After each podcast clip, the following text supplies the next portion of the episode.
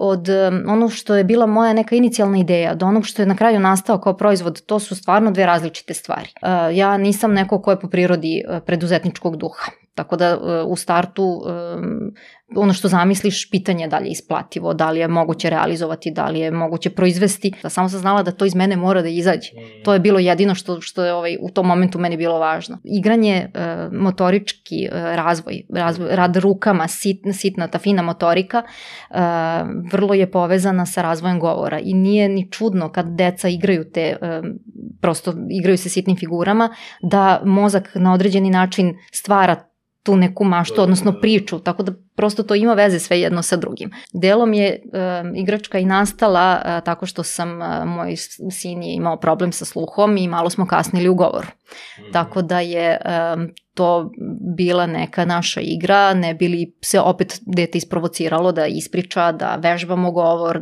Posle svake noći, pošto sam noć upisala dečije priče, um, jedva sam čekala da mi se sin probudi da mu pročitam priču. Ja, ja sam ta koja se više igra od dece. Najveća pohvala koju sam za ove godine dobila od e, roditelja, odnosno onih koji su se bavili svojom decom, jeste da um, se igraju po dva sata drvenim pričama. Došli smo u moment da e, deca ne mogu da odgledaju ni, ni kratkometražni crtani u, u cugu. Ovo je moralo da izađe iz mene kao neka vrsta kreative, e, makar podelila sve što sam napravila. E, neverovatno je da sam ja ekonomista koji je napravio svoj biznis bez biznis plana. Najteže bilo naći stolara. Veruj mi da um, je bilo nekoliko momenta gde sam htela da odustanem. Trebaju mi ti neki veliki izazovi koji deluju skoro pa nemogući. Sa, to, to je ono što stvari um, ispunjava. Mislim da si prvi ko je ovo uh, shvatio na taj način. Ja to znam odavno, ali to niko nije ovaj, uspeo da poveže ovako. Još podcast 1. Pozdrav svima, dobrodošli u još podcast 1. Moje ime je Ivan Ćosić. Na početku želim da vam se zahvalim što nas gledate, što nas slušate.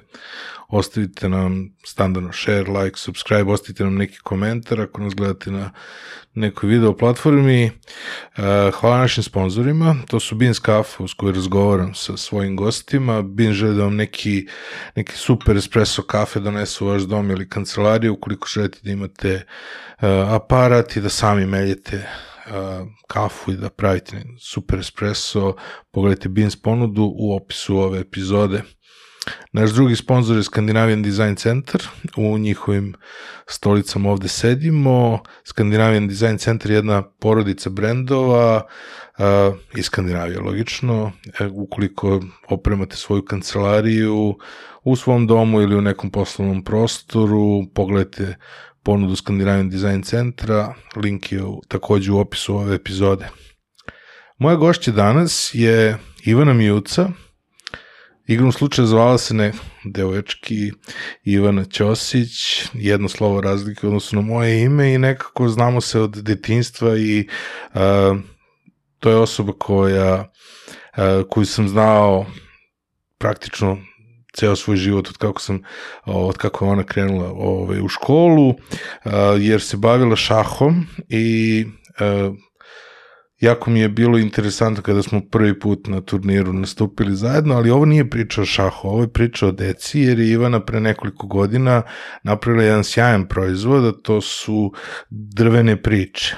Jako teško reći da li su drvene priče igračka, sa kojoj koja priča priču, jer je to priča sa kojom možeš da se igraš. Dakle, ovo je pro, taj jedan proizvod koji ja imam dosta, dosta dugo. Ivana kaže da je to iz prve serije, evo sad sam dobio od nje i novu verziju džungla. Ivana je napravila jedan super biznis, interesantno je da taj biznis napravila potpuno paralelno sa svojim standardnim poslom od 9 do 5, to je jedna jako važna a, preduzetnička priča iz domena organizacije, a, jako je važna priča iz domena rada sa decom i eto želeo sam da u ovih nekoliko epizoda, ovih par epizoda posle svega onoga što se desilo u društvu, da malo pričamo o deci, a da opet ostanemo u domenu onoga što neki sjajni ljudi rade oko nas. Uživajte u ovoj epizodi. Hoćeš onako kao zvanično da krenem? Kako ti kažeš? si mi uplašena. Pa dobro, tebi je ovo standardno. Koja je ova epizoda? 110. 100? 110. 10. Dobro. Tako da tebi je opušteno meni. ono. 110. da. Teo sam ovih par epizoda da napravimo o, tim nekim temama sa ljudima koji su napravili nešto za decu, znaš. I onda sam otprilike ono, sa Ivanom napravio ovo o programiranju, onda rekao taman, a odavno sam teo da te zovem.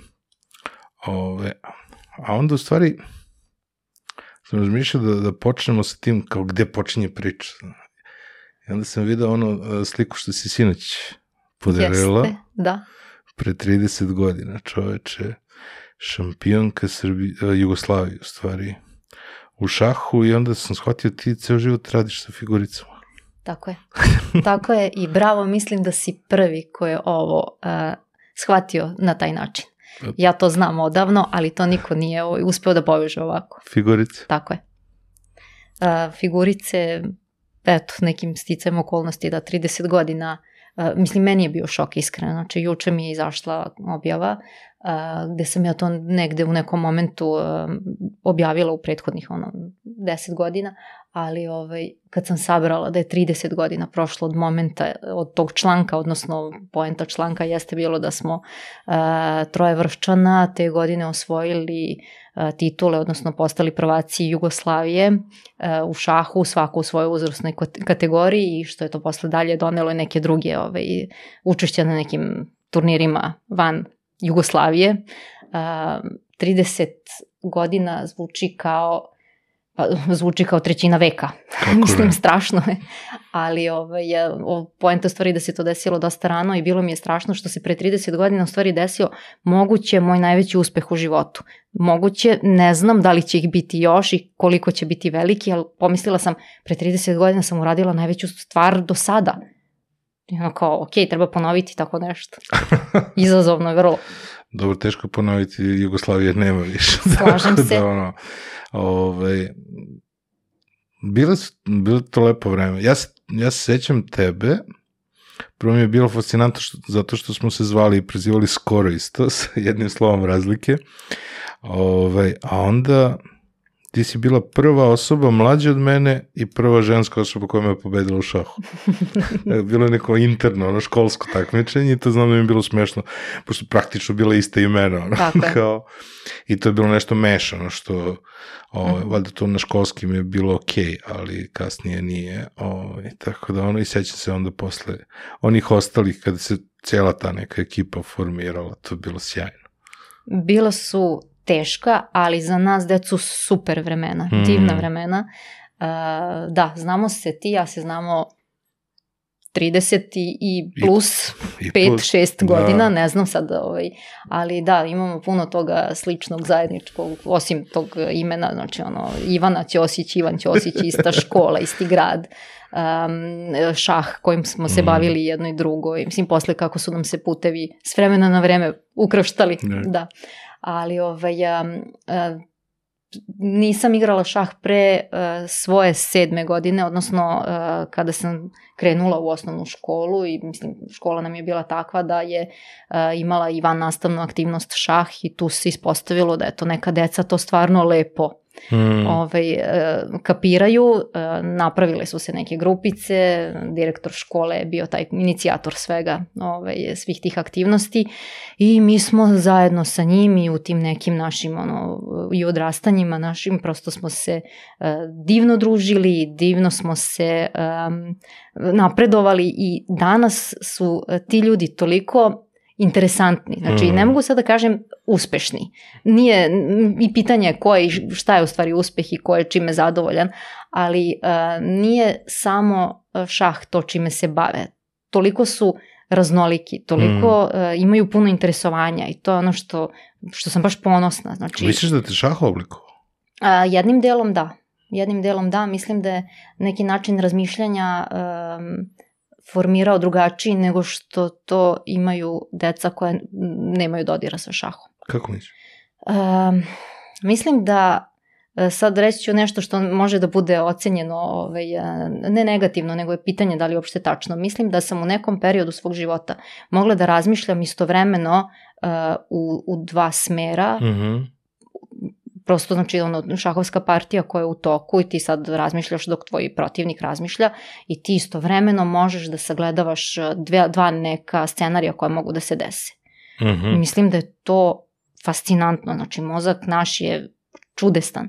Prosto uh, koliko je istraženo, nekih desetak posto mozga, znači šta su sve njegove mogućnosti. To je sad diskutabilno, da, to je jedna od teza, koliko koristimo, ali to je pobijeno. Kao Kako nije, god, znači... Ovaj, da, ali jeste da potpuno nevjerovatno šta sve šta može. Šta sve može mozak, da, ovaj, tako da znači na svom primeru sam nešto iskusila što ne znam da li postoji uh, u nauci da, da mm. se objašnjava ili ne, tako da stvarno mislim da deca koja su igrala šah, koja su imala uh, dodir sa, sa šahovskom tablom figurama i verovatno i ostalim društvenim igrama, ali šah posebno mm -hmm. uh, stvorile, prosto je omogućilo mozgu da se razvija na jedan dobar način.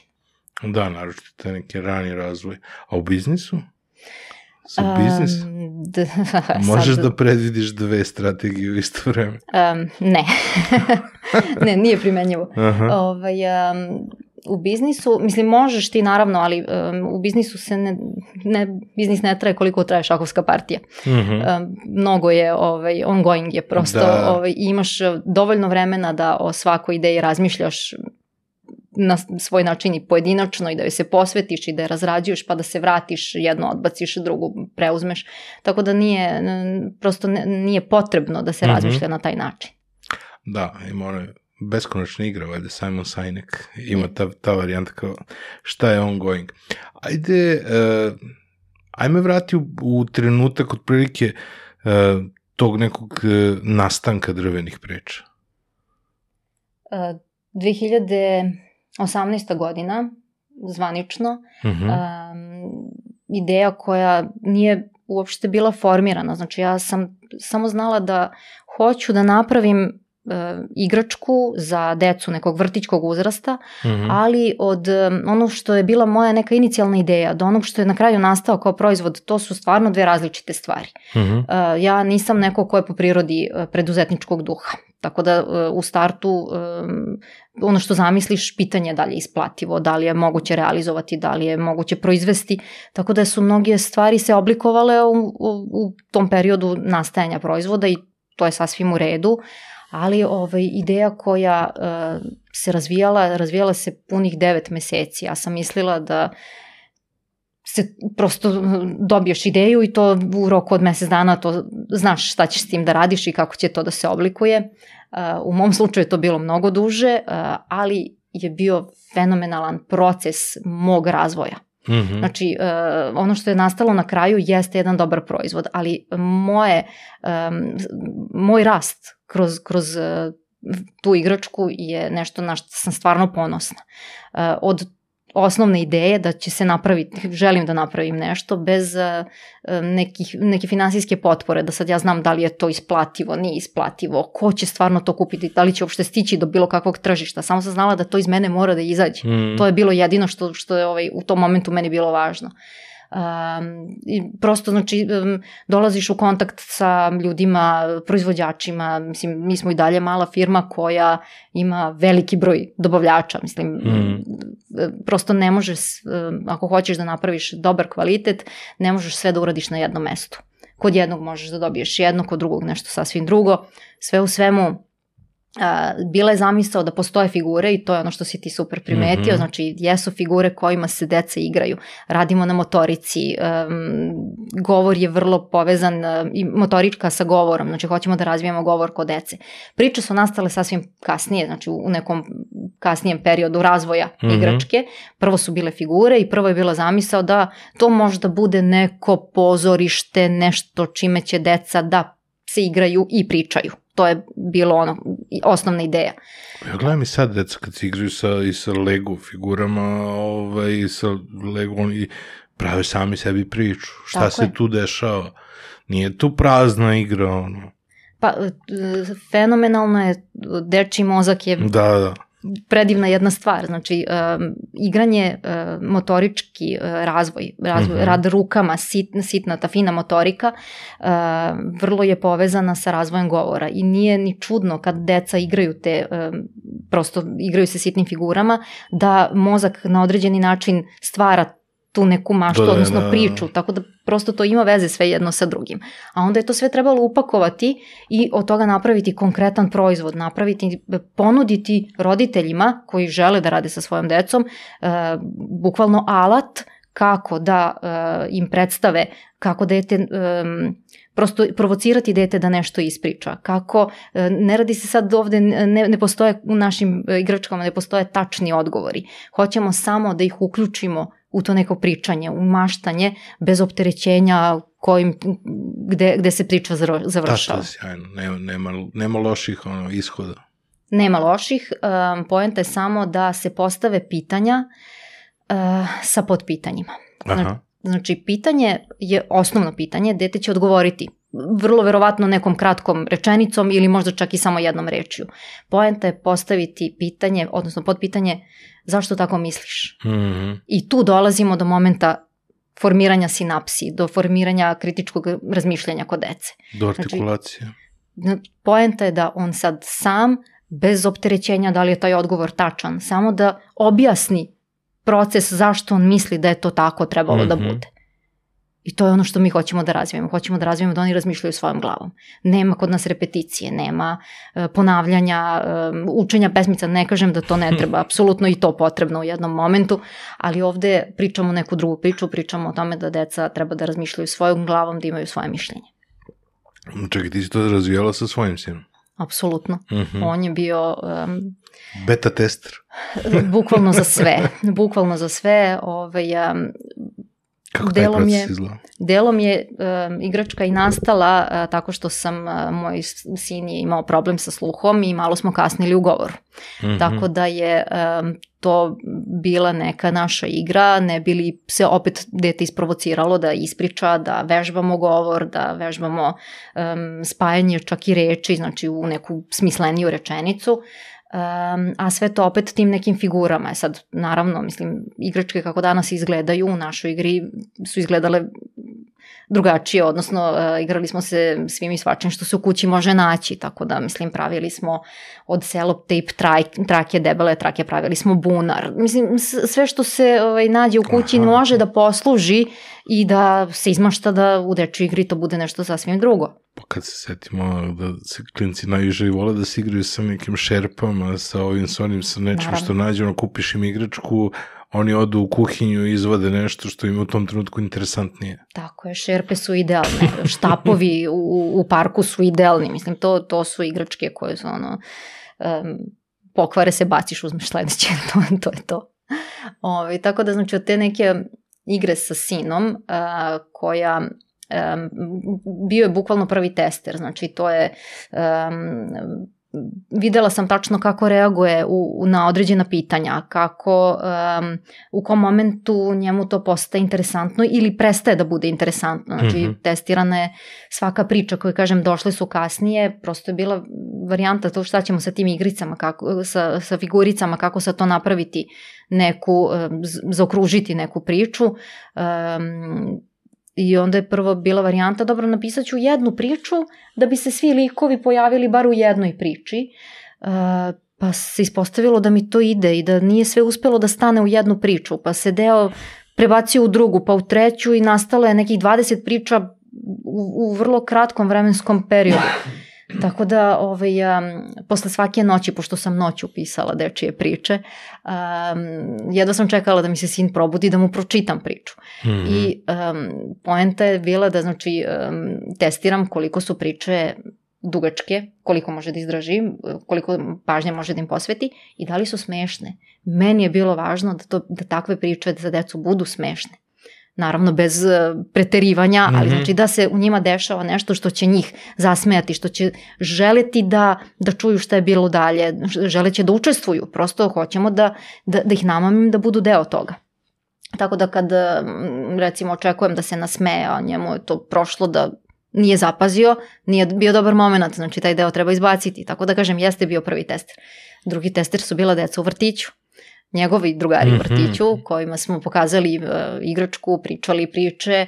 Um, u, u grupi dece to sasvim drugačije funkcioniše nego ovaj, u kućnim uslovima sa jednim detetom, ali je ovaj, fascinantno koliko uh, ja sam očekivala u vrtićima jedan žamor, puno, puno dece koja će u isto vreme imati neku ideju da, da, da iskažu. Mhm. Ne, oni su vrlo disciplinovani. Znači, podižu se dva prsta, e, svako čeka svoj red da odgovori na određeno pitanje, tako da ovaj, jedan sistem u vrtićima zaista ambijent, postoji. Da, da, ambijent pravi to, Jest. ta, tu neku, taj neki, tu neku strukturu, Nisu, nije haotično kao u nekim, ono, na, u, dvorištu ili negde napolje. Tako je, tako je, ali se vrlo lepo nadovezuju, Mhm. dopunjuju um, i prosto kada je igračka prošla i taj uh, test uh, Grupni. veće grupe, Aha. tako je, onda je to... Oni se dopunjuju, verovatno. Jeste. jedni drugi učestvuju, naročito kada je taj interaktivni deo, onda učestvuju verovatno jedni drugima u pričama. Tako je, ubacuju se,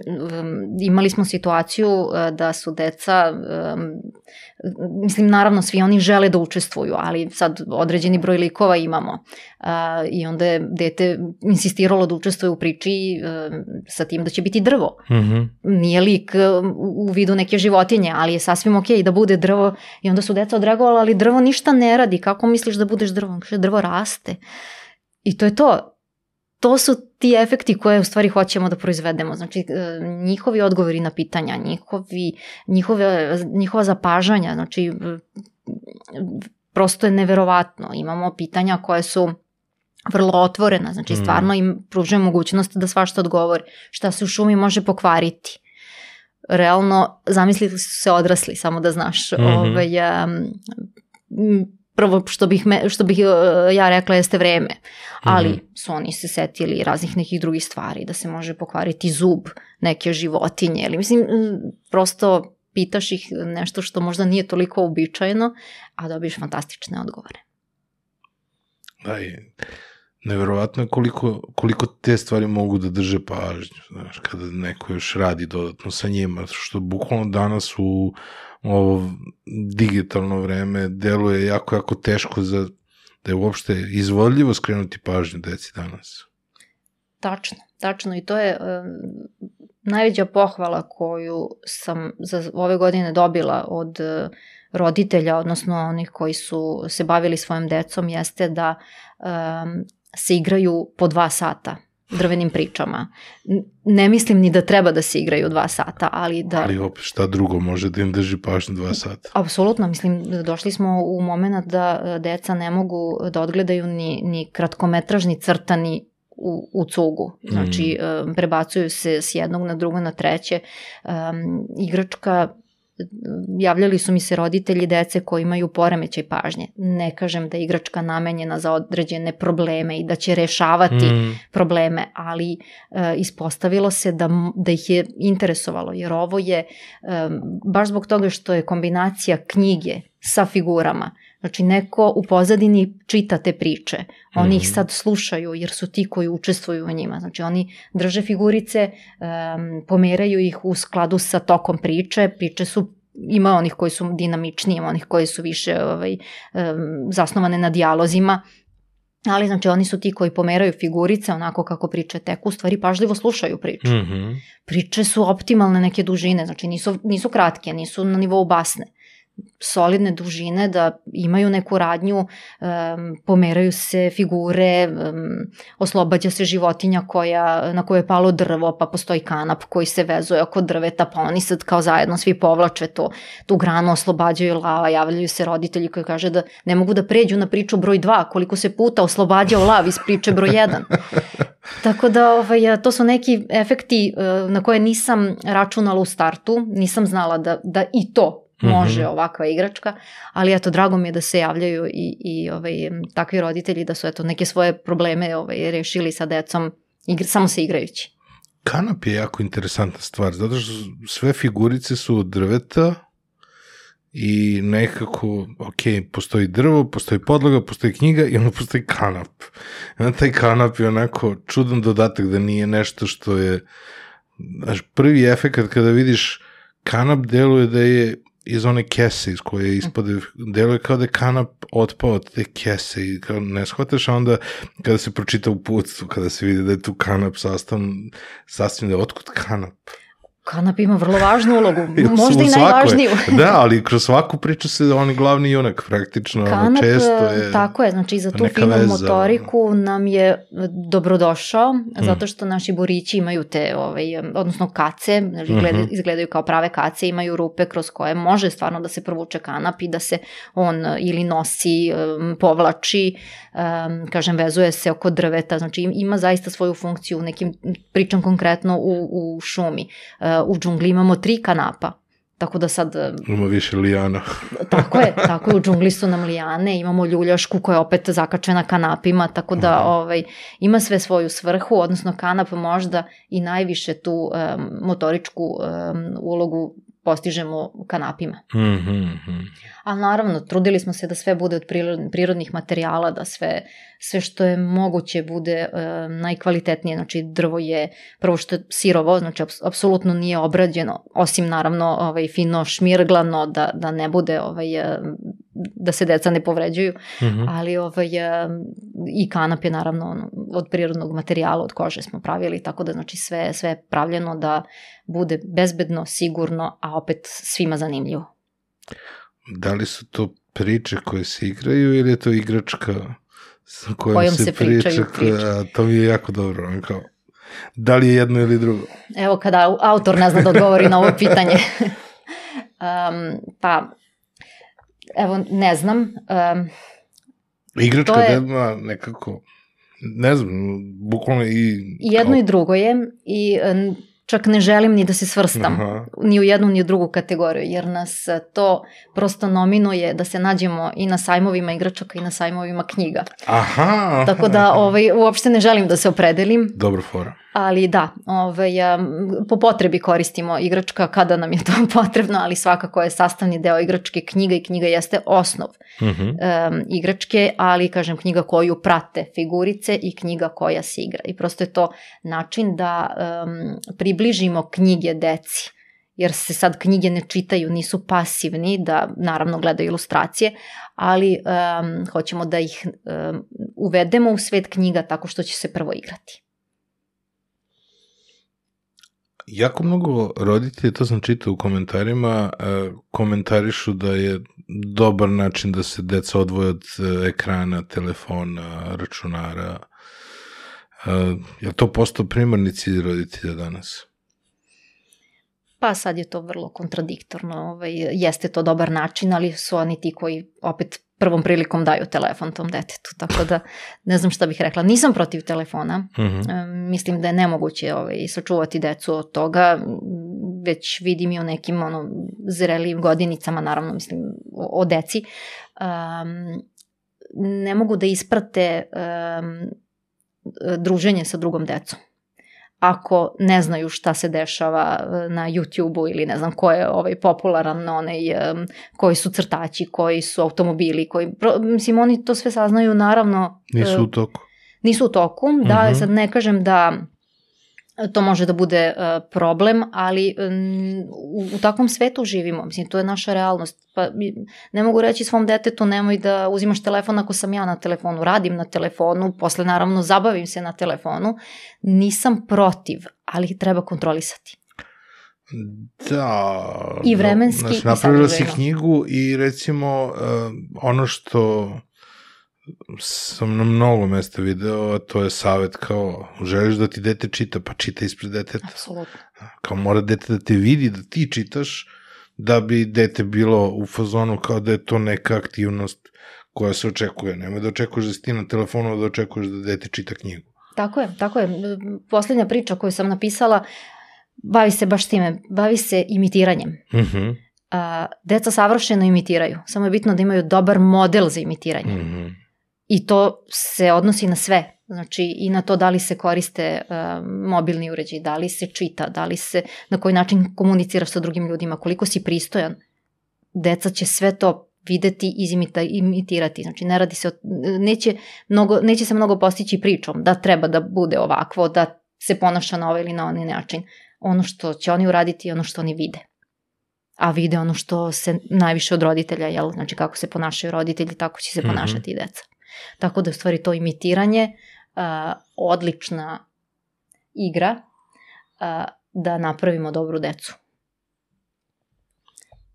Ovo kad si rekla malo pre oko 9 meseci za, pokret, za pokretanjem posla, to sam često slušao i jedan od gosti mi rekao, pa to je sasvim normalno 9 meseci i i služi ono da, da bi se stvorio neki novi život i biznis je život, tako da ovaj, to mi je bilo jako interesantno, međutim ono što je interesantno je da se često dešavalo u nekim biznisima koji vode žene, da su ti biznisi razvijeni posle drugog deteta, posle trećeg deteta, kada je malo veća pauza i obično se ovaj, se žena rešava da odustane od starog posla i da krene nešto svoje, da bi upravljala svojim vremenom, međutim ono što je kod tebe interesantno jeste da paralelno sve vreme radiš dva posla praktično, privatni i da nisi odustala od svog redovnog 9 do 5.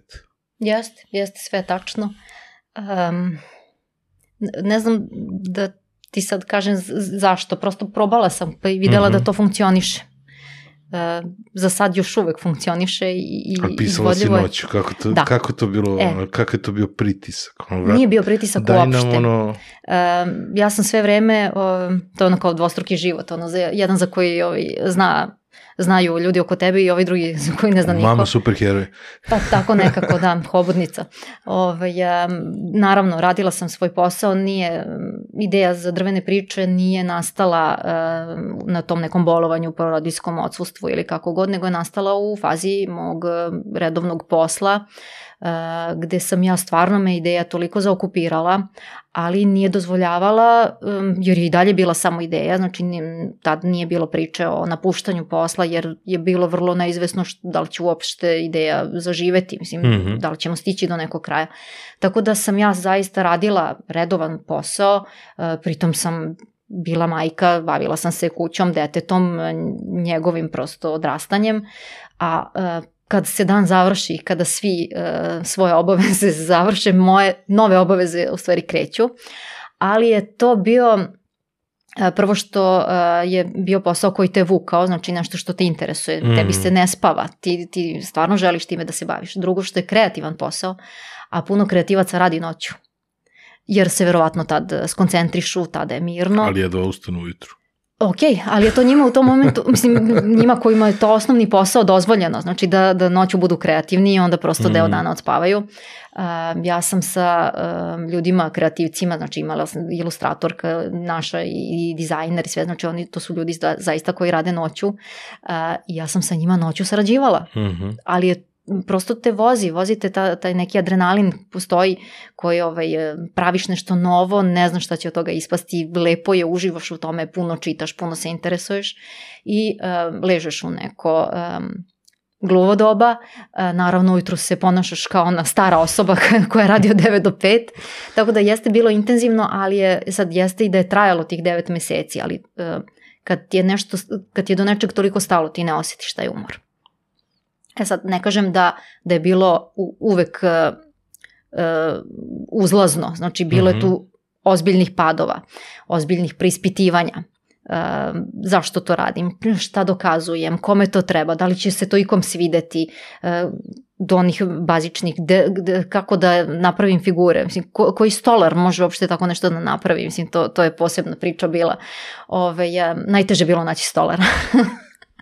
Zato što ovaj, figurice su sitne, e, zahtevaju puno ručne dorade. Znači mm -hmm. one mhm. mogu da se iseku, ali je to šmirglanje stvarno ručni ovaj, posao, jer postoji puno tih nekih delova gde mora ručno da se išmirgla, ne može mašina toliko duboko da uđe. Tako da je prosto našla sam stolara koji je rekao meni se ovo toliko sviđa, ja hoću da budem deo ove priče bez pitanja šta i kako ćemo dalje, mm -hmm. a ovaj, pre toga je bilo nekoliko koji su rekli uh, ja ne znam koliko metara kuhinje završim dok da, to da, pa ovo... išmirglam, skroz legitimno naravno. Meri u kvadratima. Ili ovaj, je bilo, idi bre dete kakve figure i tako, mislim, raznih naravno ovaj, iskustava imam, ali da, devet meseci je trajala um, ta ekskurzija moja ovaj, noćna, zvana drvene priče, dok se nije pojavila ono, prva kutija sa svim sadržajem koji, ovaj, koje je trebalo da, da, da ima. Tako da, eto, to je šta reći, znači nastavila sam dalje da radim, ovaj, i dan danas radim dva posla, Mm -hmm. evo, put, peta godina, kako ovaj, firma, preduzetnička firma postoji, ali e, i dalje sam na ovom svom poslu, mislim da još uvek mogu. E, oseti se, e, u, u nekim momentima oseti se da sam posustala, da ne mogu više, da um, prosto nekad nešto mora da sačeka. Eto, Da. E, Da li bi se razvijalo brže i bolje da sam samo na, na jednoj od tih aktivnosti? Da, verovatno. Um, ali i dalje mislim da mogu da, da podnesem sve. Pa, vidjet ćemo. Da, to super mi je priča kao primer, ovaj, kao primer toga. Uh, ispričaj nam još za stolara i za ilustratora, za dizajnera. Kako si taj deo tima formirala? Um, ilustrator je um, devojka, žena, uh, koja, uh, nju sam stvarno birala. Mhm. Znači, bukvalno sam um, istraživala ko, kakve su mogućnosti, ko šta radi, kako radi. Sad, pošto su naši likovi uh, životinje, baš sam se usredsredila da nađem nekog ko to, um, čiji mi se rad sviđa. I um, poslala sam joj par priča da pogleda, da vidim prosto ka, kako sve to funkcioniše, znači ja nisam iz tog biznisa, bavim se nečim sasvim drugačijim, tako da ja o, o, o izdavanju knjiga ne znam ništa, mislim, znam da mo, može da ima ilustraciju i da ne mora, eto, toliko. Uglavnom, ovaj, ja, žena mi je odgovorila, dopalo joj se, dogovorili smo da se napravi određeni broj ilustracija i vrlo brzo smo se nas dve e, razumele, znači Mhm. vrlo malo je nekih mojih korekcija bilo, Um, ali sam je ograničila na broj ilustracija, jer finansijski um, ne znam da li uopšte mogu da sprovedem uh, ideju do kraja. Uh, posle završenih ilustracija trebalo je da se naprave korice, trebalo je da se uradi prelom teksta, trebalo je da se mnogo stvari još dodatnih uradi, ne bili to zaista izgledalo kao knjiga, uh, gde je opet bilo pitanje finansijsko, da li ću, ko će to da uradi, da li treba da nađem nekog ko će to da mi uradi samo zato što se znamo, e, gde opet e, uskočila ilustrator i rekla, molim te, pusti me da uradim sve, nemoj da mi platiš, nemoj ništa da radiš, nemoj samo da zabrljaš. ovaj, dopalo je se jako i prosto e, volim, volim da je spomenem i volim i da kažem da je to zajednički proizvod. Um, jeste moja ideja, jeste to da se ja nekako možda i najviše pitam, ali ne bi sve to izgledalo tako da nije nje. Tako da, ovaj, Biljo, hvala ti. Kako je Ovaj, Bilja? Bilja Mihajlović. Bilja Mihajlić, pozdrav za Jeste. Bilju. Bilja je Veliki. divna, Bilja je um, toliko kreativna, Mhm. znači um, ostavljam joj prostora da, znači zna se, osnovne ideje se znaju i toliko me dobro zna da tačno um, sve manje nekih mojih sugestija, odnosno sve više prostora ostavljam njoj da sama neke stvari, da prosto vidim kako ih je doživela. Da, i kad se pogleda ovaj, kad se pogleda ova prva, onda je to jedna, a nekako, ali sad kada se stave sve zajedno, nekako sad već se vidi neki, ono, Prepoznatljivo. neka, prepoznatljiv je stil sad sve zajedno. Jeste, jeste, Ima, jeste. baš je jednostavan, a upečatljivo drugačiji, nekako tako bi ga nazvao. Pa drago mi je. To, to je to. To je to što i hoćemo. Mhm. ovaj, da, da, da, jest, da bude jednostavan, a da se zna da smo to mi. Da, da, evo, upravo to. Tako da, ovaj, mislim, bi, sa Biljom je možda bilo najlakše dogovoriti se, um, posle naravno to je proces koji teče i koji je možda najkreativniji. Tu, tu se stvarno uh, dogovaramo, čujemo, um, smišljamo šta ćemo i kako dalje, ali nije proizvod samo ilustracija i, i, i taj neki vizuelni, mislim naravno vrlo je važan, ali kažem nit manje firme, nit više dobavljača, znači trebalo je obezbediti, kažem stolar nam je bio ovaj, onako e, vrlo izazovno ovaj, naći nekog ko, ko stvarno, želi da učestvuje u tome i prosto dečko koji radi nama figure je mnogo toga a ne samo stolar. I zbog Aha. toga sve to tako funkcioniše. Znači, dečko je i umetnik i muzičar i proputovao je, znači, mislim da, da je dve godine, ako ne godinu dana sigurno je i, prosto obišao svet. Krenuo je sa rancem na leđima, e, s nekom malom svotom novca, radio je na putovanjima, i znači i to pre nekih 10-15 godina kada to nije bilo popularno kao što je Mm. sada i kad ljudi od toga žive.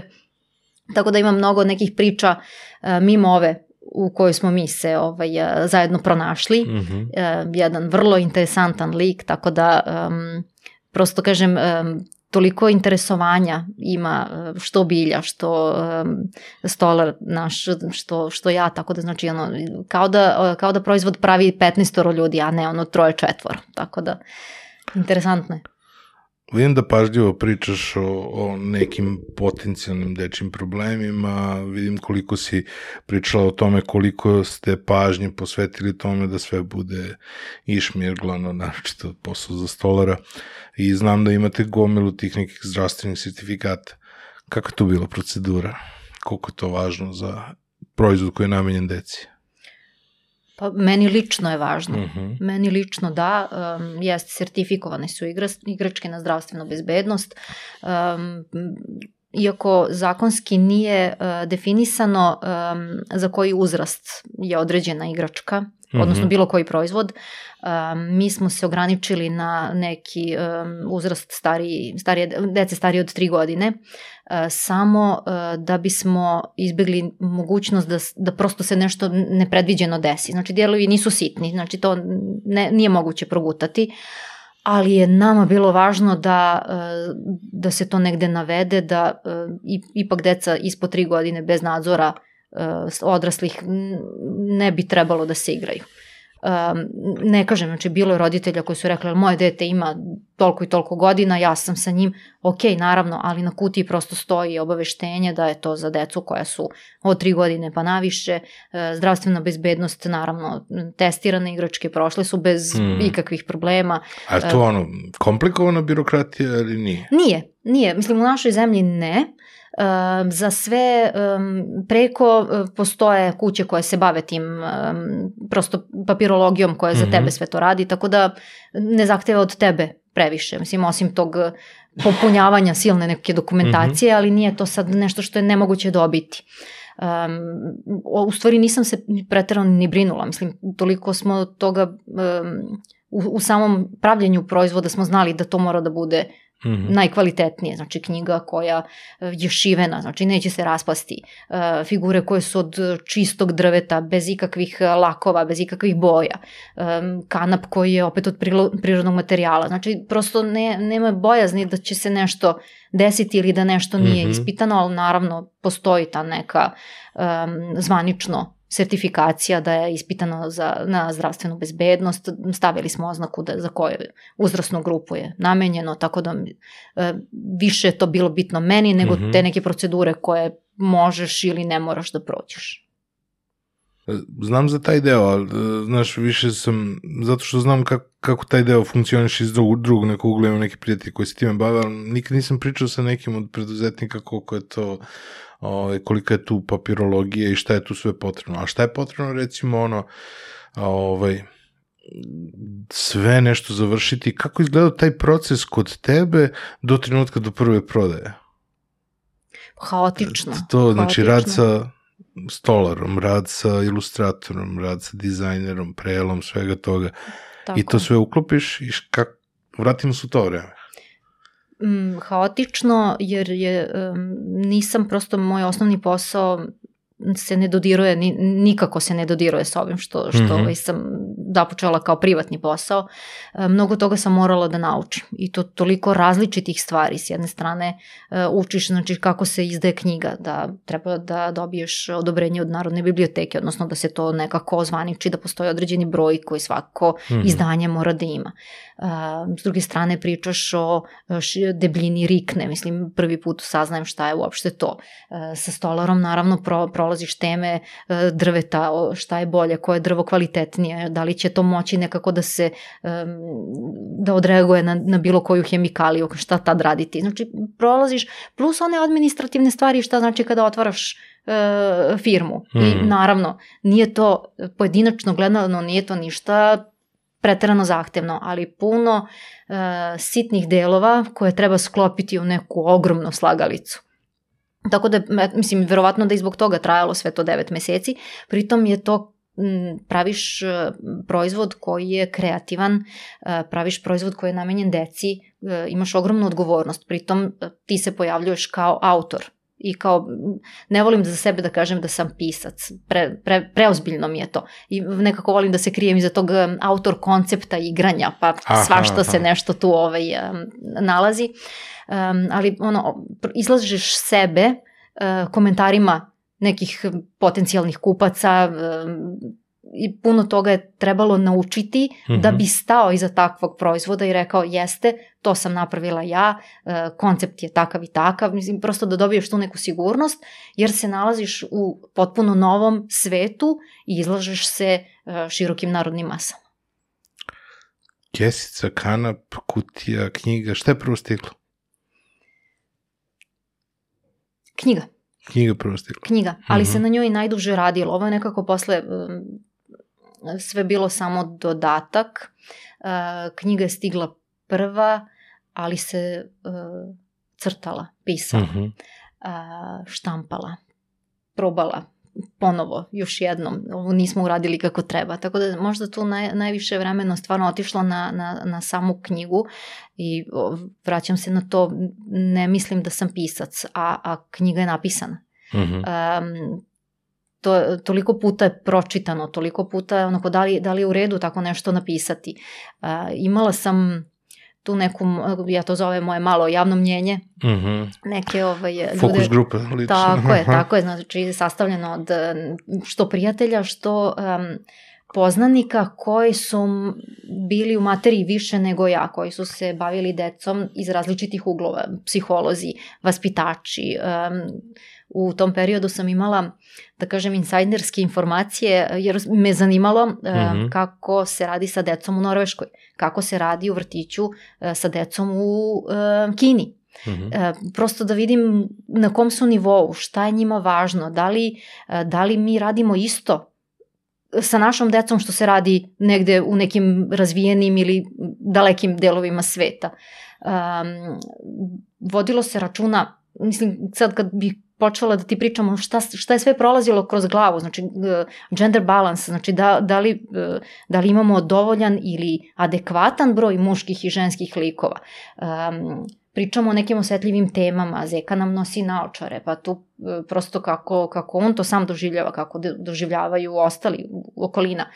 Pričamo o njihovim svađama, znači naši likovi su stvari uh, deca u nekom vrtićkom uzrastu i njima se dešava sve ono što se dešava deci u tom uzrastu, samo predstavljeni u nekom drugom ambijentu i predstavljeni kao, kao, kao životinje. Kao da. Tako je, ali znači to što oni prolaze i neke svoje e, strepnje, dileme, misli raznorazne kakve imaju, to imaju naši akteri u, u svim igračkama. Mm -hmm. Tako da ono, i boje se mraka, i mislim prosto sve što bi moglo nekom detetu da se desi i dešava se nekom od naših junaka, tako da mogu da se poistovete sa, sa raznima.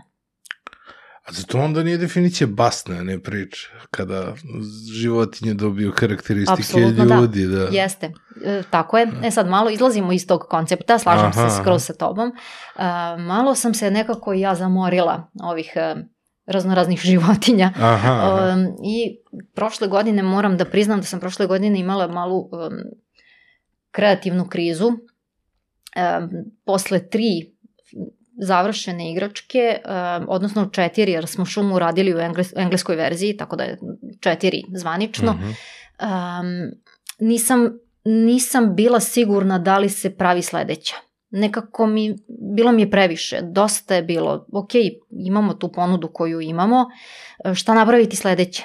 Čime, čime sad zadovoljiti sebe, čime mm -hmm. zadovoljiti kupce uh, i dobar deo godine sam, nisam radila ništa, stvarno, znači prosto uh, nije bilo dovoljno dobro i dovoljno kvalitetna ideja uh, da bi nastao neki no, no, novi proizvod. Mm -hmm. uh, prosto moralo da se sačeka Vreme da se to desi. I šta se dešava? Dešava se da uh, sanjam drugare iz uh, osnovne škole, uh, koje verovatno i ti znaš, Munižaba je jedan, Nikola Maksimović je drugi, to su dva... Munje i Maks. Munje i Maks, ovaj, to su naši drugari iz škole, um, ko, koje mislim ne viđam i uopšte ne znam kako su mi stigli do, do, ovaj, do misli, uglavnom mm -hmm. sanjala sam ih I u momentu kada sam se budila, sad već svesna sam šta je bio san, ali mi kroz glavu prolazi da ja nikad nisam e, razmišljala o njihovim nadimcima. Znači uvek su Munja i Maksa bili kao paket. Mislim, nije išao Munja bez Maksa i Maksa bez Munje, ali da su njihovi nadimci kao za kućne ljubimce. Mislim, pritom su nam, nadimci proizvedeni iz prezimena njihovih. Mislim, Ili nije. za superheroje. Da, ovaj, i um, sad pričam uh, priču, znači shvatam da, da imaju čudne nadimke, da to nisam tako doživljavala jer ih doživljavam kao osobe, jel?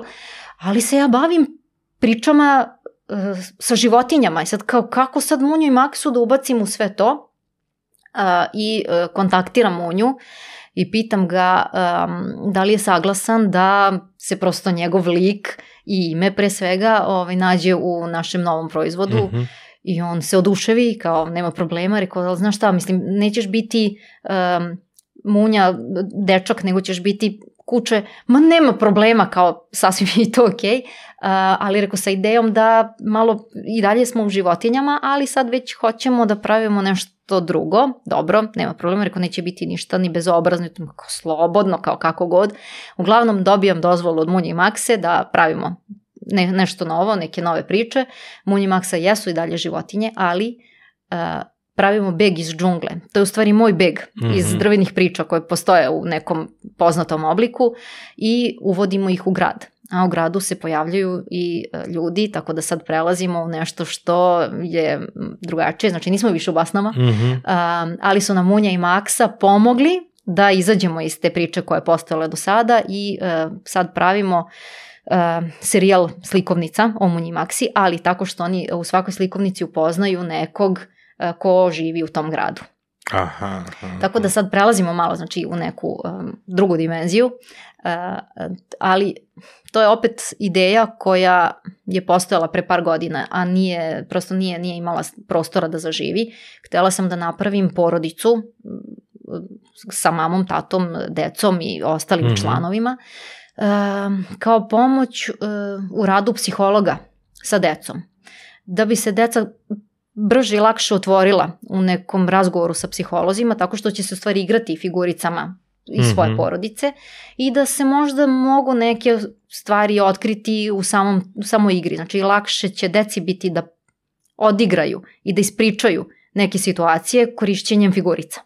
Mhm, mhm. Međutim, u tom momentu um, mi je to bilo previše, um, da kažem, neisplativo, uh, jer bi se koristilo kao sredstvo za rad određene grupe uh, ljudi, odnosno psihologa. Uh, I pitanje je to da li bi moglo i da li bi zaživelo. Međutim, evo sad, stara Možda ideja. psiholozi, logopedi, znači ima jako mnogo... E, Za munju samo proveri, Mhm. zato što je Bolt, zasl... e, ovaj, kuće Jeste. Bolt je zaštićeno od Disneya i to je kod nas pre, prevođeno kao munja. Tako da samo, samo za to duplo proverite. tako ovaj, je, jeste, slažem Bolt se. je trademark, pa onda samo da, da to ne Ako pređe. budemo prevodili, verovatno neće biti Mm, monja, nego će da. biti nešto, ne, nešto Da. ćemo morati da ovaj, smislimo novo. Ali, ovaj, um, kažem, Ovo, ovo mi je super. Da, sad izlazimo iz ovih priča basni, uh, priča o životinjama i ulazimo u stvari u jednu gradsku priču, u jednu porodicu, uh, tako što će se kroz svaku slikovnicu pojavljivati novi lik. Trenutno smo na četvrtoj slikovnici, imamo Jelu koja je Mhm. žena koja je udomila Munju i Maksu, uh, imamo baku, komšinicu koja ovaj, kuva više nego što je potrebno. Pojavljuje se sad vlada, neko ko će biti uh, Jelin partner Mhm. i uh, u narednim nastavcima uh, pojavljuju se neka sitna deca, polako, ovaj, tako da u stvari prav, napravit ću ja tu porodicu onako kako sam zamislila pre nekog vremena, ali evo um, nekim sporednim putem.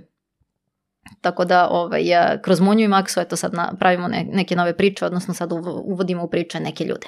A su i dalje drvene priče kao Apsolutno. osnova brenda. Aha. Da, sve i dalje pod drvenim pričama i dalje su to priče koje se igraju, mm. -hmm. igračka kojom se pričaju priče, samo znači e, malo modifikovane, e, idu kroz slikovnice, u svaku slikovnicu ide po jedna figura i e, nekako ja sam u detinstvu stvarno volela, e, čak ne, ne samo u detinstvu, volela sam da skupljam sličice, da skupljam serije figurica, Mhm, znači ono iz, da, e, iz kinder jaja i kako god. I to, to sam sad ubacila u, u, u ovu neku moju priču da se u svaku slikovnicu dobija nova figura i da stvari čekaš da vidiš šta će biti sledeća tema, sledeća slikovnica i koji se novi lik pojavljuje.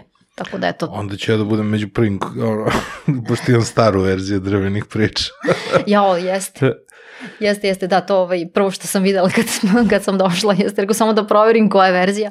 Menjalo se e, tokom vremena, znači jeste, napravljeno je tako kako je napravljeno, onda smo malo korigovali, dorađivali, poboljšavali, um, kupci su nam neke stvari sugerisali. I... A vrati me na početak, to s, mnogo smo preskočili sad na, mm -hmm. na već pred, na nove proizvode na ostalo. Vrati me na prvi, prvi proizvod, na prvu prodaju, koji je bio van tih nekih prijatelja i svega ostalog.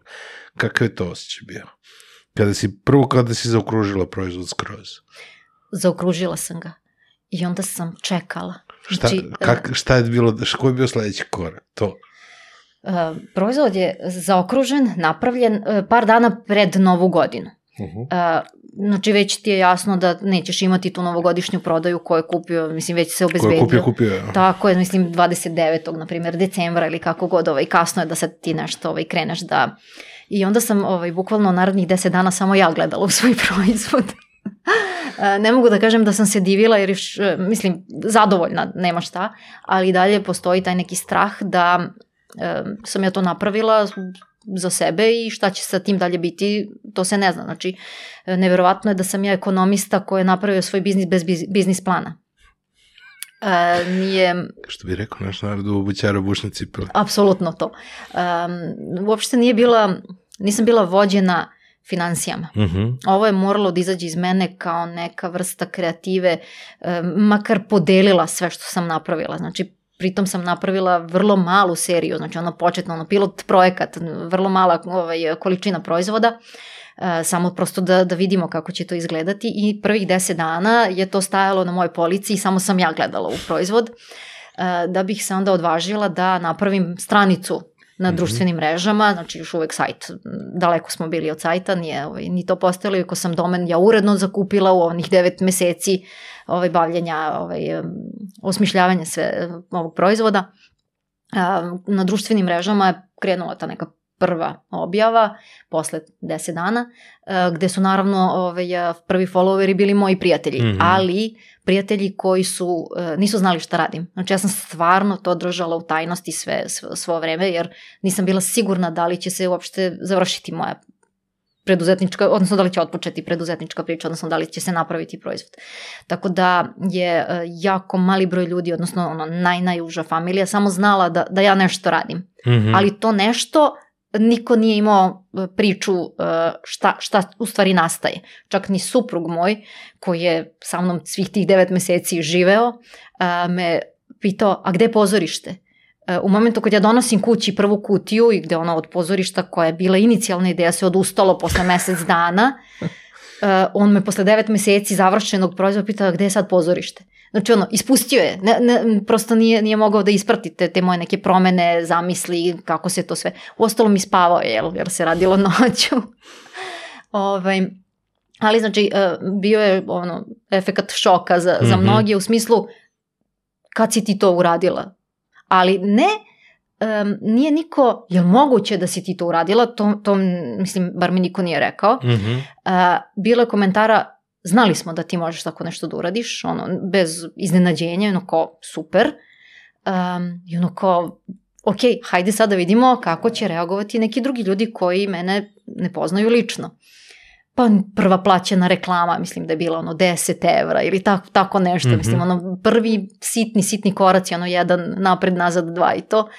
Um, međutim, ja sam iznenađena koliko ljudi uh, divno su odreagovali.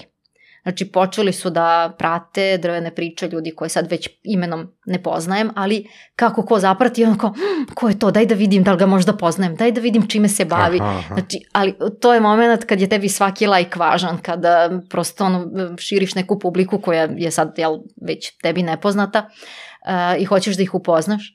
Uh, ljudi počinju da naručuju tu neku moju prvu seriju, minimalnu, uh, od 100 igračaka, I u narednih e, dva ili tri meseca, sad sam zaboravila, ja sam mojih sto igračaka prodala.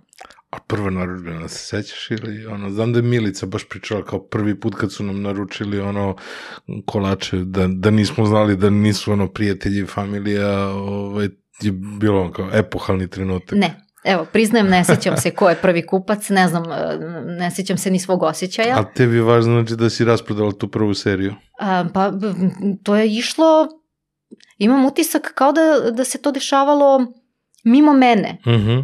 Kao da je to sad kao neki ono paralelni uh, svet.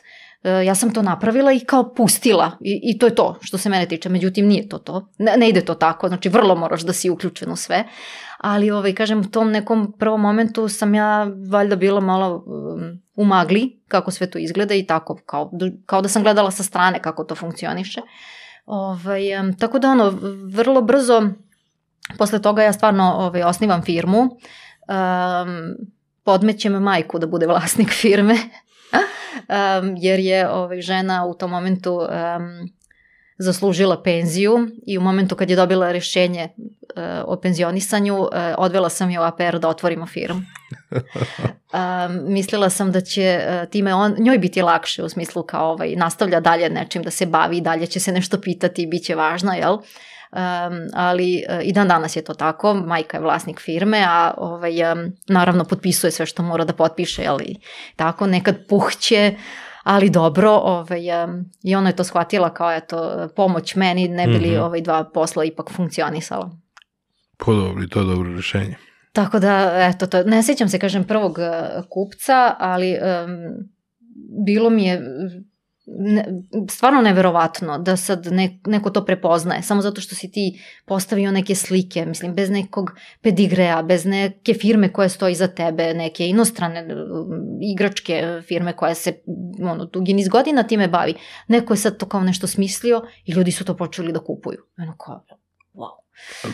A velika je stvar za okružiti, znači kompleksnost jedne priče da se, ne, ne mislim priče kao drvene priče, nego neke biznis, ove, ne, nekog biznis koncepta da ga zaokružiš od početka do kraja, da sve osmisliš, naročito kao kod tebe, gde su potpuno raznorodni, o, raznorodne komponente, ove, je dosta velika stvar za okružiti od početka do kraja ceo proces. Znaš, zato, zato zna Ogrom... da bude onako čudno ljudima. Znaš. Ogromno je i veruj mi da um, je bilo nekoliko momenta gde sam htela da odustanem. Stvarno je bilo. Koji su bili ti? Uh, nisam, nisam umela da rešim neke stvari. Ne, neke koje, mislim, sad ih posmatram kao jednostavne, tehničke, mislim, nešto što pitaš nekog pa ti objasni kako se to radi. Ja sam mogu ti objasniti ono za riknu, ali... Tako je. Tako da, ovaj, um, dosta sam bila sama u celom tom procesu. Mm -hmm. um, mislim da je to više imalo veze sa tim da ja ne pričam o tome šta radim iz straha da li ću završiti, ali ovaj, um, ne, ne kajem se ni najmanje. Znači, ne postoji stvar koju sama nisam obradila, naučila, pročitala, pitala naravno, ali je bilo momenata vrlo kritičnih da li sam ja sposobna da to završim, da li sam ja um, kompetentna da tako nešto napravim, da li, mislim, to preispitivanje sam, same sebe mm -hmm. i kad završiš proces i kad proizvod nastane uh, i dalje sumnjaš, ali imaš i to zadovoljstvo. A da si imala možda veći feedback, da si imala možda veću ekipu koja je bila uključena u tvoje građenje cele, svega toga, možda bi imala ranije taj, taj neki osjećaj da, da je to skroz cool ono što praviš. Možda ta izolacija ti možda i pravi taj efekat uh -huh. da nisi sigurna kako ćeš kako će biti finalni proizvod. To je više do moje prirode. Uh -huh. to, je, to je zaista, mislim, prvo ja sam individualac, šahista, šta, šta reći. Ove, daleko od toga da nisam društvena, ali ako radim, pusti me da radim samo. To, volim taj, to. Um, drugo, um, ima, nisam sigurna koliko su ljudi bili uključeni i koliko bi bili uključeni. Znači, puno njih i koji su znali i koji nisu, ja, pa super, lepo je. Meni, mnogo me više gura kritika. Volim da e, čujem, ali naravno argumentovano naravno. nečije mišljenje uh, i prosto Smisleno. izaziva, to izaziva, jer sve ove hvale, bojim se da te ne, ne odvedu, da, da ne shvatiš prejednostavno neke stvari. A onda kad dođeš do momenta pojavljivanja na tržištu, dobiješ sasvim neki drugačiji uh, odgovor. Ja mislim da je zdrava doza tapšanja po ramenu dobro. Ali ne treba Prija, se prija. okružiti, ne treba se okružiti samo ono, ljudima koji te hvale, jer treba naravno da ti neko i iskritikuje, ti kaže e, ovde ono, trebalo nešto malo drugačije uraditi i slično, pa na kraju krajeva i sam počneš da shvataš koje su, ovaj, koje su te neke stvari. Ovaj, ali baš me to interesuje ti neki ono, trenuci koji su, znaš, deluje mi kao da, da si u nekim situacijama ono, išla glavom kroz zid u nekim situacijama gde si možda ono, telefonskim pozivom mogla da rešiš problem. Jeste, jeste, Zato definitivno. što to bi podrazumevalo prvo da pitaš ko bi mogao to da zna, pa onda da pitaš tog nekog za rešenje. Da, ne, danas sam mnogo otvorenija. Znači, Mhm. kažem, prosto ta godina je bila posvećena meni samo i onako, umem li ja Mhm. sve to i to. Ali sad kad, mislim, peta godina da se ovo radi, naravno da ja ne znam sve najbolje i naravno da postoje ljudi koji, uh, ne znači da ja neću doći do tog uh, nekog rešenja, ali će mi trebati više vremena, mnogo više, i Mhm. mnogo više ću morati da, da dam sebe, a neko to prosto uradi u, u nekom kratkom vremenskom pre, periodu, zna ko to može da uradi. Znači, ali to, to dolazi posle. U mom slučaju to dolazi značajno e, kasnije, e, da, da sad e, i dalje je sve na meni, u smislu da firmu vodim ja, um, kreativac sam ja, naravno uz saradnike ovaj, koje, koje, koje imam i dan danas, znači to se ništa nije menjalo, ali uh, sada bar znam da postoje ljudi koji se bave uh, marketingom, advertisingom bolje nego ja. Znam da um, svaka, um, svaki advokat, svaki ekonomista može da ti da neki odgovor koji ti nemaš ili ćeš potrošiti mnogo vremena da bi, da bi došao do nekog odgovora. Tako da, mislim, pomoć tražim, da. O, reci mi, kako si inicijalno napravila neke prve dogovore sa tim velikim knjižarama i slično? Šta je, šta je prethodilo, sajmovi ili knjižare? E, Pa bilo je skoro pa istovremeno. Um, sajam knjiga prve godine, znači igračka se pojavljuje 2019. Um, I 2019. u oktobru um, ja odlučujem da se pojavim na sajmu knjiga s jednom knjigom. Uh -huh. Uh, naravno, do oktobra se napravila još jedna, pa su bile dve. Ove, ali uh, taj moment, ono kao buđenja, kao, "Mm, mogla bih da se pojavim na sajmu knjiga. E, to, ta, to je ono što najviše volim. Tako neki Aha. veliki izazov, nešto što ono deluje skoro pa nemoguće. Mislim, s jednom knjigom zakupiti štand.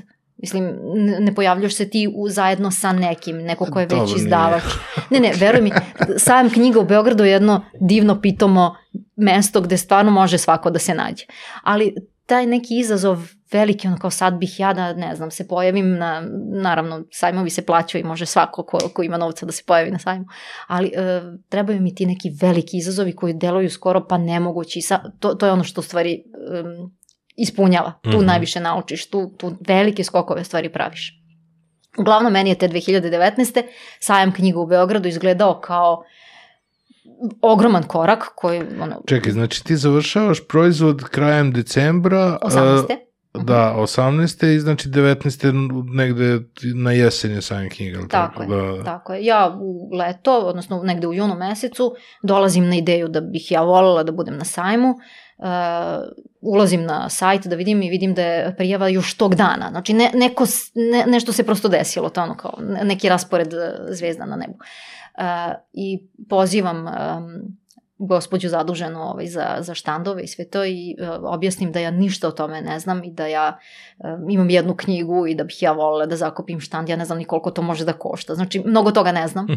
Um, I žena mi kaže ništa, popunite, polovično popunite prijavu, samo da zauzmete neko mesto, pa umeđu vremenu do, do samog sajma organizujte i sve ostalo. I, um, I tad je svima to izgledalo kao previše. Previše u smislu nije ti mesto tamo. Ko su svi? Uh, pa neko moje najbliže okruženje Uh -huh. da, da ovaj, e, pro, pa da, de- definitivno to. Mislim, tad u tom momentu kupcima ne pričam da, da ću izaći na sajam, ali ovaj, um, um, to je još jedan onako veliki korak i najbolji korak koji, koji sam napravila naravno nakon samog same igračke prve koja je Mhm. nastala. Znači u tom momentu pravim drugu igračku na novu temu uh, i spremam se da se pojavim na sajmu samostalno sa mojih minimalnih šest kvadrata gde smo se ovaj, ono, gurali. Ali uh, najlepši osjećaj uh, koji mogu da, da merim sa nekim, ono, s rođenjem deteta, na primjer. Mhm. Mislim, toliko je divan osjećaj i osjećaj koji traje 8 dana i ti, mislim, verovatno da, odnosno moj utisak je da je to samo prvi sajam. Već sledeći uh, ti je već poznato, nema takvog letenja kao što uh, može da napravi prvi sajam, ali ovaj, bukvalno ulaziš u halu i ulaziš pre uh, zvaničnog otvaranja Da, da bi se opremio, da. pritom mi nemamo štand na, to, na prvom sajmu zato što smo, nisu nas planirali, nekako smo ispušteni sa naših malih šest kvadrata, to nigde se nismo, ovaj, nismo bili na crtežu uopšte i ovaj dan kad mi donosimo opremu na sajam, mi, mi štand nemamo. Aha, aha. I onda je naravno bilo kao dobro, jao, vidjet ćemo kako, onda su nam nešto tamo sklepali, naravno to se sve vrlo brzo završava na sajmu, ovaj, da mi um, lepimo naše plakate, postavljamo police i mm, pravimo jednu onako slatku priču gde nam e, organizatori sajma uh, dolaze i da kažu imate divan štand, kao super ste priču napravili, kao pa dobro, kako nismo ni imali štand i kako nam niste napravili konstrukciju, dobro Juče smo. ga nije bilo. Ne, ne, ne, bukvalno je bio prazan prostor. Bilo je Da, ono da. kao prolaz, prolaz, on hodnik e, otprilike. Ovaj, e, međutim, naravno, regularno smo se prijavili, oni su nekako to zaboravili ili kako već, znači sve, sve je bilo kako treba, vrlo brzo su oni to montirali, to, to je par panela svega, ovaj, da smo mi to ovaj, napravili. I kažem, kad ti ulaziš u tu halu, e, pre, pre ovaj, e, nego što se zvanično otvara, stvarno ulaziš i kao da noge nisu na zemlji. Znači, letiš do svog štanda, ne, čudanje i predivan je osjećaj. E, e, i, znači, fenomenalno svih tih e, osam dana sajma gde ti po prvi put imaš e, kontakt, direktan kontakt sa svojim kupcima. I ja tu tek shvatam koliko se ljudima to sviđa. Koliko su zbog nas dolazili na sajam. Znači, bukvalno namenski. Da, i to um, ono kao da li smem da budem, da ne budem skromna, ono kao, jel realno da sam ja nekog eh, dovela na sajam samo da bi došao i kupio našu igračku knjigu, jel? jer je Mhm. sajam knjiga, tu smo onda malo više bili knjiga. Ovaj, um, tako da ono, ta, ta, taj osjećaj, ta konekcija s kupcima na sajmu je veliki vetar u leđa. I tu su nas stvarno ishvalili. A onda na sve to uh, dobijamo nagradu na sajmu knjiga. Mhm. Uh, To je baš na tom prvom. na tom prvom, mi tako mali, koji smo se jedva ćoška. pojavili, bukvalno a, dobijamo nagradu, dobijamo nagradu Ulupuca, a, dobija, zvanično dobije naša Biljana ilustratorka za izdanje naše. Mhm. Um, fantastičan moment da um, dolazi uh, predsjednik Ulupuca na štand, ne bili pogledao, mislim, obilazi sve koji su se prijavili ovaj, za nagradu na, na konkurs uh, i um, jedan vrlo specifičan tip koji je onako stari roker, kako zamišljaš starog rokera, Mhm. uh, tako izgleda čovek i ti njemu sad pokazuješ neke dečije knjige i, i figurice i pokušavaš da mu objasniš čemu to služi, a po, po njegovoj prirodi, tom kako se predstavlja, vidiš koliko je daleko od svega toga. Međutim, um, osvojili smo ga sasvim, da je on došao sutradan ponovo na naš stand i rekao, ja sam se sinoć igrao, I kao, ovo je fenomenalno. I kao, super, um, vidjet ćemo kao, kako, kako ćete proći, to je to. Posle par dana nam javljaju da smo osvojili nagradu Mhm. za ovaj, um, grafičko pre, Opremanje. opremanje, tako je, znači za kompletno celo izdanje. Um, naravno, ovaj, idemo na dodelu nagrada svi onako kolektivno ovaj, i, i eto, prosto kažem divan osjećaj sa to, tog nekak, nekog sajma. I to je 2019. 2020. nam se sve zva, zatvara, COVID. da, i uh, tu počinje neka sasvim drugačija priča, znači svi planovi koji su postojali padaju u vodu, smišljaš nove planove kako će sve to izgledati i naredni sajam Šta je bilo na COVID? Jeste, Šta bila je je, bila COVID priča? bila je COVID priča, pa um, bukvalno tog marta 2020. Um, pišem priču o COVIdu. Aha. Ne bi li je približila deci. Da je oni to shvate na, na način na koji mi ne shvatamo, znači mi ne znamo šta nam se dešava i šta će sve do, biti i doneti. Uglavnom uh, pišemo priču kako um, su čuli da se nešto dešava i da životinje moraju da se sad svaka u svoju jazbinu, u svoju kućicu ovaj, vrati i da će se ponovo opet se sresti čim sve to prođe, naravno opet pričamo na, nekim, na neki šaljiv način, kako će, ko će šta raditi, pa će neko da slika, neko je prosto rešio da će hvatati izjale. I onda naravno šta sad to znači izjale, znači uvijek je taj moment neki ono provokacija da deca malo razmišljaju i da ovaj, mm. objasne na neki svoj način.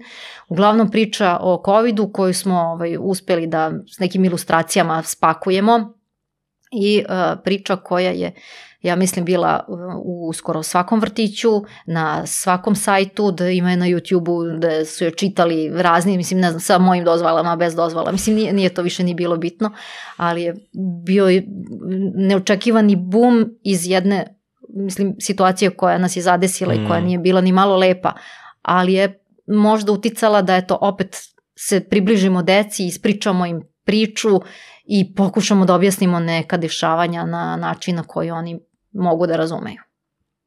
Kao me skoro podsjetilo na ono, život je lep sa Beninijom. Da, kako je, stalno, kako je stalno menjao ono, kontekst šta se stvarno dešava. U nekim oko, teškim uslovima. Oko njih u nekim teškim uslovima da objasni detetu priču mnogo ono, inspirativno. A kako onda nastaju sneg, odnosno kako se zove sneg? Uh, Severni pol. Severni pol i džungla. Kad oni nastaju u uh, cijelom Pa tom? kažem, znači na sajam smo se prijavili 2019. s jednim izdanjem. Do mm -hmm. sajma smo napravili drugo, drugo je bilo Severni pol i Severni pol je taj koji nam je dobio nagradu na sajmu. A to je već bilo 2019. 2019. da, znači tad već imamo, da kažem, razrađenu ovaj, tehnički deo, znači mm -hmm. samu proizvodnju, ali naravno trebalo je opet napisati priču priče, osmisliti sve kako, ovaj, kako to treba ovaj, da se spakuje. I uh, 19. u oktobru premijerno za sajam izlazi Severni pol. 20. izlazi džungla, znači tu smo da kažemo ono svake godine pravili novu priču, 20. negde možda decembar, na primer, uh, izlazi džungla, 21. smo radili šumu na englesku verziju mm -hmm. i 22. krećemo sa Munjom i Maksom mm -hmm. i sad mhm. će to u stvari, ušli smo i u 23. sa tim i to će nam biti premijerno um, zaokružena edicija o Munji i Maksi u oktobru ove godine, gde ćemo raditi uh, osim sajma koje ono, prosto ja volim da sam na sajmu. Meni je tamo lepo. Uh, a imat ćemo i promociju u velikoj sali SKC, onoj sa stubovima, znači to, to mi je... U... To mi je takav izazov. To je sledeći veliki izazov. Jeste i radujem se i plaši me i prosto mislim to je jedno, može da bude jedno vrlo ozbiljno mesto, a mi tamo treba da unesemo igračke knjige i ne znam šta da napravimo, ono, neku ovaj... To skrci generalno ono, za promociju knjiga baš dobro mesto. Jeste, I, ovaj, jeste, tamo, fenomenalno. I ona knjižara ispod i jeste. sve ostalo, tako da mislim da prosto prirodno okruženje bilo bi teško ono, u nekom neočekivanom okruženju praviti nešto, znaš, napraviti ono, neko izmeštanje ko kad su prvi stand-uperi ono, počeli u kafićima. Tako je, tako je. pa niko ne zna šta da očekuje. A reci mi, ta evolucija sad od od drvenih priča do do Munje i Maksa otprilike neka tvoja evolucija. Absolutno. To zato što je tvoj sin porastao pa više nije za ove najmlađe priče. On Ima i toga. Jel on ispo iz ovog sad? Jeste, 3 do 8? Jeste. Jeste, definitivno, mislim, imam, sin ima 10 godina i mislim, mogu da mu poturim knjigu da, da, da. pročita i da da svoje mišljenje, ali da se igra više ne, definitivno, ali um, jesu se razvijale drvene priče kako je i on rastao, uh mhm. -huh. ali i kako sam se ja menjala. Znači, toliko priča ima gde sam utkana ja ili nešto što se meni u tom momentu dešava. Uh mhm. -huh. Čak nešto što se uh, sprema, mislim, otkriću sad neke stvari ono koje nisam, nisam ranije rekla, nisam ih izgovorila. Um, pravim nov, novu igračku koja će biti u stvari društvena igra. Uh -huh. uh, koja možeš, se, možeš da se krećeš po gradu, znači ima, sve se nadovezuje, znači ovo su nam bile životinje, Munjom i Maksom smo otvorili priču um, sa, sa ljudima u gradu i pravimo sad društvenu igru koja uh, za ambijent ima grad. Po gradu možeš da se krećeš u raznim smerovima, mm -hmm. ali ne znači da je najkraći put i najbolji. Mm -hmm. um, bukvalno se svaki put igra drugačije. Znači postavka grada je svaki put drugačija i um, da li će ti nešto što je najbliže biti e, i najbrže stići do toga pitanja. Znači, zvuči kompleksno, ali... Inspiracija Beograd. Inspiracija je moj životni put kojim nisam znala kako, da, kako Aha, nastaviti. E, Ta neka blokada koju sam ja imala je Dobro. bukvalno poslužila kao inspiracija za ideju, za, za- ideja za, za društvenu igru, jer ti ne znači da postojeći put koji ti je utaban da je najbolji. Možda je baš poenta krenuti nekim drugim putem. I to sad pokušavam da e, spakujem i da konkretizujem u, u jednu društvenu igru, već smo na pa, ne, pa na pola puta, ajde, tako Mhm. reći. Ovaj, imamo tu neku osnovnu konstrukciju, deo ilustracije je urađen, figurice su za sad samo e, zamišljene, nismo još krenuli u izradu, ali ovaj, priča se još uvek sklapa i mislim da će biti e, fenomenalna, zato što, e, mislim, strašno je, zvuči jezivo kad kažem da može da se igra na dva miliona načina, ne treba da se igra na toliko načina, ali ovaj, e, postavkom e, konstrukcije zaista ono, više od 2 miliona načina može da se postavi. Wow. Da. Izazovno, izazovno i za mene. Mm, vidi se iskustvo iz šaha. Šah, Da, opet. da. Mislim, to, to je u stvari priča da e, sve svoje životne situacije nekako se pojavljuju u igračkama na ovaj ili na onaj način.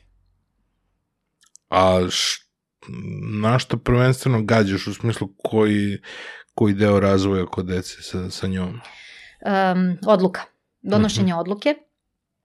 E, to je to, znači da li ćeš ići, e, uvek ti je otvoreno da ideš najkraćim putem, Mhm. ali možda ćeš tad naići na prepreku. Dobro. pa će te vratiti. A ako izabereš sigurni put, možda će biti duži. Prosto e, donošenje odluke u svakom momentu na koji ćeš e, stranu krenuti. Mhm. To je bilo u stvari moja dilema i moje neko donošenje odluke da li ću ići levo ili desno ovaj, ili pravo ili kako već. Ovaj, da, da pokušam to da napravim da prosto bude korisno. A jeste poenta, jeste donošenje odluke. I deci danas, kako ne odustati, to je isto, to im je važna tema. Jeste. Gde su sve stigle drvene priče? I to mi je bilo važno prve Što godine. ste pravili onu englesku verziju, ovaj, znam da ste ono nešto, da su ljudi to nosili van Srbije, pa sad me čisto interesuje da mi to povežeš. To, to je to što kažem, ono prvi like, prva Mhm. kupovina. Prvo, uh, bilo mi je interesantno i tad sam i komunicirala sa kupcima ako negde šalju da nam jave prosto gde je sve to stiglo Mhm. i mislim, bukvalno od Kanade do Australije. Mislim, za neke konkretno znam, za neke su, neki su nam slali fotografije sa, sa nekim ono, znamenitostima ovaj, turističkim i to. Um, tako da ima nas svuda, ali uh, još uvek je to mala grupa ljudi koja zna da mi postojimo. I kad nas otkrije, uh, mi smo postajemo po, po, prosto porodica. Znači Mhm. neko ko jednom otkrije drvene priče, posle kupuje to i za svoju decu, za decu um, prijatelja, rodbine, znači odnosi na rođendane, jer zna da kupuje dobar i kvalitetan proizvod i bukvalno ono šta je sledeće, šta ćete sledeće izbaciti ili um, kao, imamo sve vaše igračke, mislim, čekamo sledeće, tako da ono, um, onaj ko sazna za nas i ko jednom kupi, kupit će sve. Mhm. Tako da ono, e, broj pratilaca na društvenim mrežama ne znači e, da, da je nešto bolje prodavano ili ne. Mi realno imamo vrlo mali broj ljudi koji nas prati. I, i skoro ispada da nam je svako ko nas prati kupio igračku. Da. Nije realno. Samo zato što onaj ko kupi, kupi sve. Jer je otkrio da valja. A što se tiče engleske verzije, Uh, pa nastala je sa idejom da se pojavimo na međunarodnim sajmovima, mm -hmm. Mhm. da izađemo iz, iz okvira ove zemlje. Uh, međutim, sajmova nije bilo jer je tako kako je jel, prethodnih par godina. Ove godine smo bili na uh, dva sajma koje su meni bila interesantna, ali smo stvarno bili turistički, prosto da vidimo, da osetimo. Opet je ta dilema da li smo više igračka ili knjiga, da li je bolje da se pojavimo na sajmu knjiga ili na sajmu igračaka i to sam išla da izvidim, pa um, nije, odluka još nije donešena, znači vidjet ćemo Pitanje je da li postoji odgovor na to pitanje. Nekad, nekad ovaj, dobro je da je tako, ali ovaj, m, nis, nismo u mogućnosti da se pojavimo na svakom mogućem sajmu. Mhm. I za sad ćemo morati da odlučimo gde ćemo prvo. I zbog toga je stvarno, ovaj, išla sam da vidim kako izgleda sajam e, igračaka i kako izgleda sajam knjiga za decu, specijalizovani. E, pa, m, kažem, nisam od, donela odluku, ali sledeće godine ćemo verovatno istupiti i pojaviti se na nekom od tih ino sajmova, odnosno to su međunarodni sajmovi, tako da ovaj, dolaze ljudi s raznih strana i to nisu prodajni sajmovi, to su ono bukvalno B2B, business to business sajmovi gde uh, vidjet ćemo da li, da li je ovaj naša priča interesantna nekome van ovih granica. Interesantno da kada si pričala o pravljenju inicijalnom proizvoda, da si, si pominjala kako da si pričala o tome kako to bio individualni projekt. A sada kada pričaš o razvoju posla i svemu tome, konstantno pričaš o množini, tako da ja znam da, da ti Nenad sve to gurate ovaj, i da i, i mama pomaže. Podrška supruga postoji, stvarno, ali podrška je u, u onom delu um, fizičkom da se nosi, da se odveze, preveze, um, da se razgovara sa špediterima. Znači stvarno taj, um, ne mogu da kažem samo muški posao, ali jeste taj neki možda malo prljavije preuzeo na sebe i uh, svakako je pratnja. Mm -hmm. um, išao je sa mnom na sve sajmove, ima on naravno uh, svoju ulogu, ne da nema u ovim ostalim delovima, ali to još uvek držim za sebe. Volim mm -hmm. da mhm. se ja ovim bavim i prosto nekako ne dam, tu, tu sam ja glavna, a sve ove ostale ove ovaj, stvari koje čine posao, biznis, mislim, ne, ne možeš bez administracije, komunikacije sa, sa ovaj, dobavljačima i to, to delimično je preuzeo on. Tako da um, podršku imam i on um, kaže um, kritičar je veliki, znači on je mm -hmm. neko ko je toliko realan uh, E, toliko stoji uh, sa dve noge. Vrlo je stabilan, čvrst, mm. znaš ga, poznaš ga, koliko je, koliko je kurpulentan i ostalo. Ovaj, stoji e, na, na zemlji, a ja sam ta koja previše mašta, koja ima silne ideje. I kažem, skoro sam baš rekla, rekao, ja se pored tebe nekad osjećam nenormalno sigurno i nenormalno nesigurno isto vreme. Rekao, a ti pored mene? I on kaže, nenormalno. To je bio njegov odgovor. Znači, osjeća se nenormalno. To je to što ja... Um, bukvalno, bukvalno je samo nenormalno. Znači, od mene ne zna više šta može da očekuje, jer se ja tako samo probudim i smislim neku novu akciju koju mm. ćemo, ovaj, koju ćemo sprovesti, jer mi je za takve stvari neophodna njegova i podrška i pomoć i, i prosto da je tu prisutan. I mislim da smo toliko dugo zajedno da je navikao na mene tako mm -hmm. i da mhm. to, to ne može da se promeni. To je lepo. Doduše, kada bi ja slao nekog kod špeditere, kad bi bilo između vas dvoje, ja bi posle njega. Tako da, e, a to, to je, da ovaj, da nažalost, da, nažalost je tako da nekad me ne shvataju da, ozbiljno. Pa, kako ne? Nagledao sam se takvih primjera. Da, um, to je to, mislim, jeste, ja sam i sitnija nekad, mislim, ne znam sad i glas imam možda ono, dečiji više nego što je kod drugih, ali ovaj, prosto ne, ne dozvoljavaju u nekom muškom svetu stvarno ne, ima bolju prođu. Hmm. To, je, to je definitivno. Ali opet postoji ta neka ženska strana i, i sve više žena preduzetnica i, i sve... Um... Jeste, menja se, ali dosta, dosta sporo. Zato je dobro imati podršku pa kad zatreba. Jeste, ono je onako bukvalno kad e, treba da istupi, mm, tu je, tu je, da. tu je da, a opet s druge strane čuva leđa. Veliki pozdrav za Nenada. Uh, kako to da uh, to me je uvek interesovalo. Nekako sam očekivao da ćeš izbacivati još dodatnu knjigu, uh mhm. -huh. pa da mogu postojeći igračke da se koriste uz drugu knjigu. Kao što je, interesantan mi je primer sa COVID-om, uh mhm. -huh. zato što kod covid je praktično bila priča koja mogla da se koristi sa postojećim figuricama, a ovaj, nekako sam očekivao da će biti sad drvene priče šuma, pa šta znam, knjiga 2, knjiga 3 i tako nešto. E pa to je uvek otvoreno. Mislim, ne, ne kažemo da Znaš, nećemo. Kao koristi stare igračke, a evo još jedna knjiga koja je, šta znam, deo, deo cene. E, moguće je sve, znači otvorena sam stvarno za, za razne stvari, ali za sad... Ja, rad, ja razmišljam sam... o policiji sad kad se ovo sve naređa jedno na drugo, koliko to zauzima i prostora.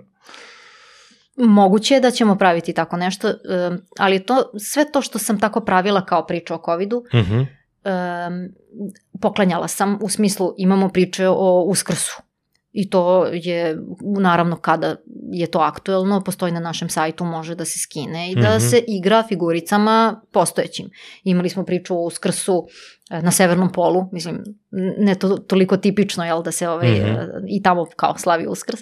Imali smo i da, niš, mislim... Nisam vidio to za da. uskrs, da, vidio sam ovo za, za Imali COVID, smo uskršnje aha. priče i uh, postoje, ti, mislim, volim te nek, da ubacujem neke sitne poklone uz igračke mm -hmm. koje mogu stvarno da se koriste uz svaku našu igračku. Pa smo ovaj, pre dve godine imali um, figuricu dece koja se dobijala uz uh, kupovinu igračke uh, da dete ima svojim likom u stvari kao učestvuje u drvenim pričama. Tako da znači um, imali su naravno izbor, znači ne kažem Bilja je crtala uh, 126 različitih likova dece, jer naravno imali smo što različiti pol, boju očiju, boju mm -hmm. kose, različite frizure, Uh, tako da je ukupno bilo 126 likova gde su uh, kupci mogli da izaberu lik koji najviše odgovara detetu ko, kojem se kupuje igračka i dete je učestvovalo, moglo da bude učesnik svim pričama, znači sa svojom figuricom, jel, mm -hmm. likom sebe, u, bez obzira u, u kojim drvenim pričama, znači u različitim temama.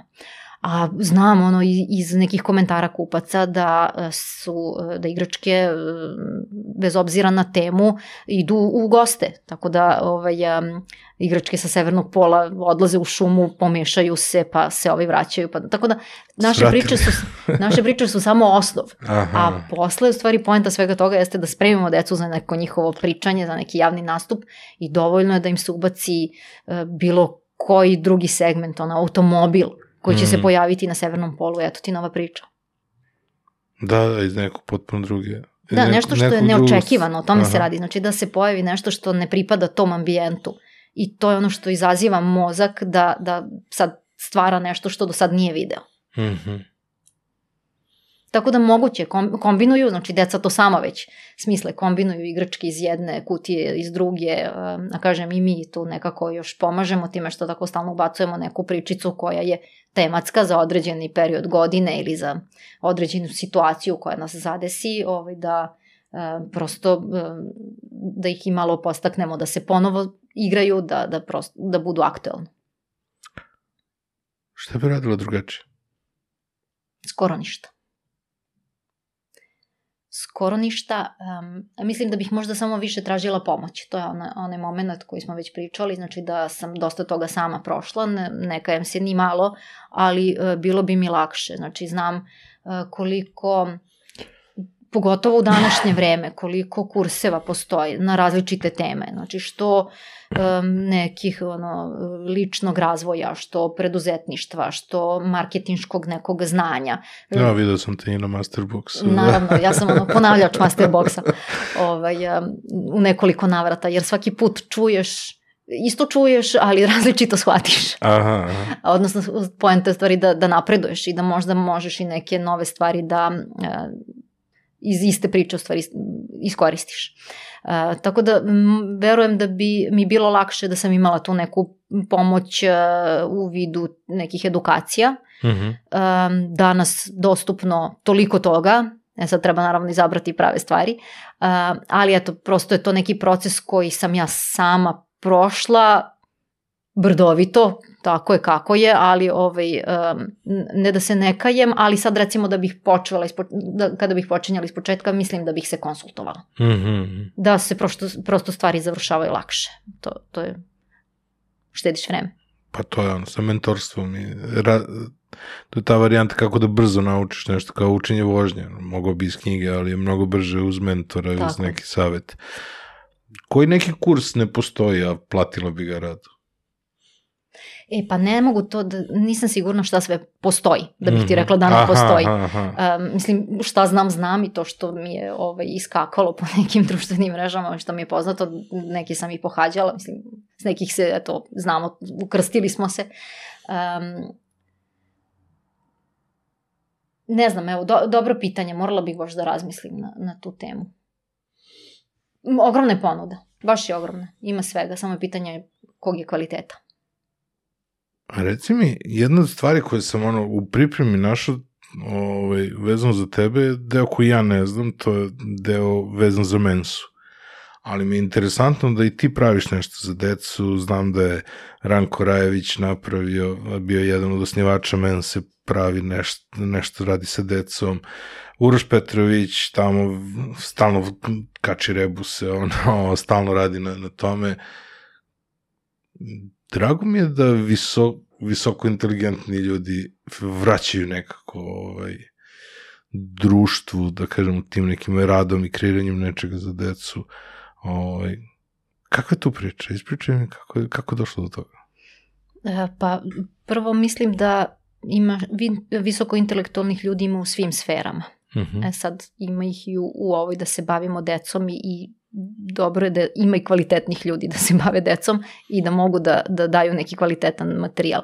Ali moja, moje članstvo u Mensi, uh, ne mogu da sad kažem da slučajno, nije slučajno, mislim, razmišljala sam da li ću se testirati, to ti je uvek, um, um, da li, ono kao razmišljaš kao da li si inteligentan ili nisi, dok, dokle god to ne znaš kao možda misliš kao verovatno da jesam, a znaš kad stvarno odeš na to testiranje to nema ili jesi ili nesi dobiješ ovaj crno mm -hmm. na belo. I iz nekog razloga ja to u stvari nisam htela da, da dobijem crno na belo, da znam da li jesam ili nisam. Ali ovaj... Tačno znam kako se, kak, da? kak, taj osjećaj. to, to je to. I prosto su prolazila ta testiranja, to se zakazuje u nekim vremenskim intervalima, da ne znam ni da li bih ja to samostalno ikad rešila, da nije bilo mog supruga u tom momentu dečka koji je uplatio moje polaganje testa koji me je stavio u auto i odvezao na mašinac, a veče pre toga se sećam da smo bili na nekoj absolventskoj žurci ili nešto tog tipa i došli posle ponoći. Uglavnom testiranje, da kažem, odveo me je. Mm -hmm. Bukvalno je to tako izgledalo i interesantnija je njegova priča kako je to izgledalo nego moja, jer kao ja sam jedini došao ovde koji nije došao na testiranje, nego došao da posmatra ljude koji misle da su pametni. Ali ovaj, ja, naravno, odradila sam testiranje, čekao me sve vreme jer da slučajno ne pobegnem. Mm -hmm. ovaj, I posle mislim, tri nedelje stižu rezultati na kućnu adresu, ja sam radila popodne i on ovaj, zove od kuće i kao stiglo je, kao hoćeš da otvorim, i kao ne, ne, to je moment koji ja moram sama sa sobom ovaj, i, i kovertom da budem uh, u ono, samo zatvoreno u nekoj sobi, ovaj, međutim, on je došao po mene ovaj, posle mog radnog vremena i dao mi koverat i to je sad već bilo ok, ajde otvorit ću. Međutim, čitam i ne mogu da pronađem uh, cifru. Znači, mm -hmm. očekivala sam da će da dobijem, pritom neupućena, mislim, ne znam ni kako sam, eto, kako sam otišla na testiranje, tako da ne znam ni kakav rezultat treba da, da, da dobijem. Um, nema nigde broja, sve čitam kao pa čestitamo, čestitamo na učešću, na, na tome što ste se prijavili, što, šta god, mislim, nigde ne piše da, da si član mense ili da uh, imaš IQ izračunat ne, nekom mm -hmm. cifrom i to. Uh, da bih posle u stvari e, skontala kako funkcionišu ti standardni mensini testovi, koji ja sam sad zaboravila skale, sad dok po, po staroj skali je e, do 148, po novoj 131 recimo, mm -hmm. pritom je neka prosječna inteligencija oko 100, na primer. Mm -hmm. sad po različitim tim skalama standardni testovi mere do tih 148, odnosno 131 uh, i to je za um, 2% populacije ili kako već za sve, ili ne, izvini, za 1% populacije, za sve preko tog mora da se ide u London na specijalno testiranje. Ja u stvari tu shvatam da sam ja preko tog limita za uh, standardnu mensinu skalu i da ja nemam nikakav koeficijent jer se on dobija naknadno Tek tim nekim dodatnim aha. testiranjima. Um, realno Uh, da li ja imam nešto od toga što sam član mense, ne nešto specijalno, osim što uh, svaki razgovor sa, uh, za neke, pri nekim snimanjima se kreće tako kao jao pa vi ste član mense, kao više to treba znači drugim ljudima nego što to specijalno znači meni.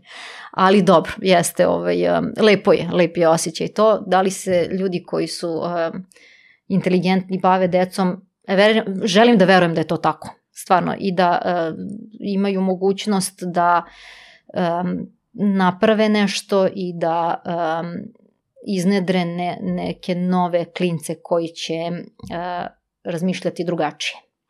Ja verujem da se bave ono kao, ili decom, on, ljude gde, koje sam sretao su ili ono kao, ili se nešto rade sa decom ili se bave kvizovima. Znači to su Jeste. ono, otprilike dve, dva neka, Jeste. dva neka sveta gde su izuzetno dominantni ta, ta dva polja. Da, da, da, slažem se i ovaj skoro, mislim, situacija koju sam ja imala pred desetak dana, bukvalno ulazim u knjižaru Mhm. uh, sa sinom uh, i kupujemo poklon koji treba da on nosi uh, na rođendan i um, ulazim i pitam, ili imate neku društvenu igru, nešto što bi možda neku knjigu, ne znam, neku ediciju, nešto interesantno za rođendan? I ovaj, prodavac mi uh, daje drvene priče, nudi mi da kupim drvene priče i kaže, o, ovo je odlično, svi su nam preporučili, znate, to je autor je uh, Uroš Petrović ovoga, i ono kao, uf, kao nije, nije baš pogodio, ali nema veze, kao ne znam da li da mi bude drago što mi nudi nešto, ne piše nigde, ne piše nigde moje ime, nema veze, ovaj, um, da li da mi bude drago to što mi je ponudio moju igračku, znači Mhm. da nudi i drugima, ili ono kao ne zna da sam to uradila ja, mislim kako da zna, jel, a Uroš Petrović naravno ima izgrađeno ime, ne, nema šta, mislim, Mhm. pritom uh, čovek je ono, dugi niz godina se bavi i decom i, i piše i pravi igračke, tako da, eto, tako da kažem... Prosto ne znaš da li će da ti, ono, da li ti je važnije da bude tvoje ime ili da se bolje prodaje. E, pa to, to su ljudi Nešto, ovi ono, koji su... Vagaš sujetu i Tako je, ovaj, tako je. realnost. Tako je, to je bio taj moment u knjižari, ali ovaj, eh, kad sam to ispričala, svi su rekli, eto, nisi htela da ti se ime nađe na kutiji, kao, zato ti se to desilo. Nema Pa i u veze. pravu su. Um, ok, evo sledeća i možda. pravu su, ono, znači, treba, treba sve živo brendirati, mislim, znaš, ne treba preterivati, ali opet, ono, da, sad, sad tek kad si mi rekla, Mhm. igrom slučaja, znaš, zbog toga što se znamo, ja to nekako podrazumeo. Ali, ovaj, i sigurno ko otvori knjigu mora tamo u onoj katalogizaciji da vidi da je to Ivana Mijuca, ali, Da, ali znaš, neće... slažem se, ali isto tako sam, moje neko bilo ubeđenje da brand treba da funkcioniše i da postoji bez mog imena ili bilo čijeg imena autora. Znači da se drvene priče prepoznaju kao brand i koje nose određene kvalitete. Ali ovaj, vidiš, tačno vidiš po, po društvenim mrežama koliko su ljudi zaintrigirani tvojim privatnim životom. Um, koliko god da se objavljuju um, pojedinosti vezano za proizvode, oni i dalje najviše odreaguju na neku moju privatnu fotografiju sa porodicom, sa sinom. Znači to prosto to je, to je do ljudi, ono, vole, vole da znaju. Pa to je ono da zagledaš u tuđe dvorište, znaš. Da. Ovaj, ali dobro, mislim, e, ima tu dve stvari. Jedno je što vole autentičnost, znaš, da znaju da je to neko tamo biće od krvi i mesa koji ima realan život kao što imaju i oni. A drugi deo je taj da, znaš, vole ljudi da vide Ima, Znaš, ima naravno. ali- privatan život, da ne vide sve samo ono proizvod, proizvod, proizvod, znaš, nisu tu samo zbog proizvoda, nego i zbog onog ko, ko stoji za proizvod. Jeste, jeste. To, to je ono što sam takođe A jesi naučila. išla po vrtićima ovako ti, ono, da čitaš i da promovišeš i to? Ne, znaš? i to jeste dobar predlog i to je nešto što ja sam razmišljala, ali za to mi je potrebno da uh, odustanem od jedne od dve priče koje trenutno radim. Tako da mhm. e, nemam kapacitete za tako nešto, ali mislim da bi bilo jako korisno i mislim da, da bi to bilo moje prirodno okruženje. Mislim, moja porodica je prosvetarska, mislim, ono nekih 3-4 generacije unazad, tako da ovaj, mislim da je meni to negde u malom mozgu, da se prosto ono, kao što je sin lekara, Mhm. lekar i dobro se u tome snalazi, prosto je u kući čuo, video neke stvari, mogao je da, da oseti, tako da mislim da sam ja mnogo toga mogla da čujem. Ovaj, ne od roditelja, roditelji su nekim drugim pričama, ali on, baka, deda, tetka Mhm. i svi, svi preci su uh, u stvari um, nastavnici, vaspitači uh, i, i bavili su se decom. Mhm. No zašto te pitam? Zato što mislim da i naročito sada ovaj, veće korporacije, veći sistemi, um, jako mnogo njih razmatra opciju da ponudi zaposlenima četvorodnevnu radnu nedelju ukoliko to postoji kao opcija i da imaš jedan dan da ono zujiš po vrtićima, da čitaš, ovaj, da čitaš knjige klincima, ja mislim da bi to bilo super.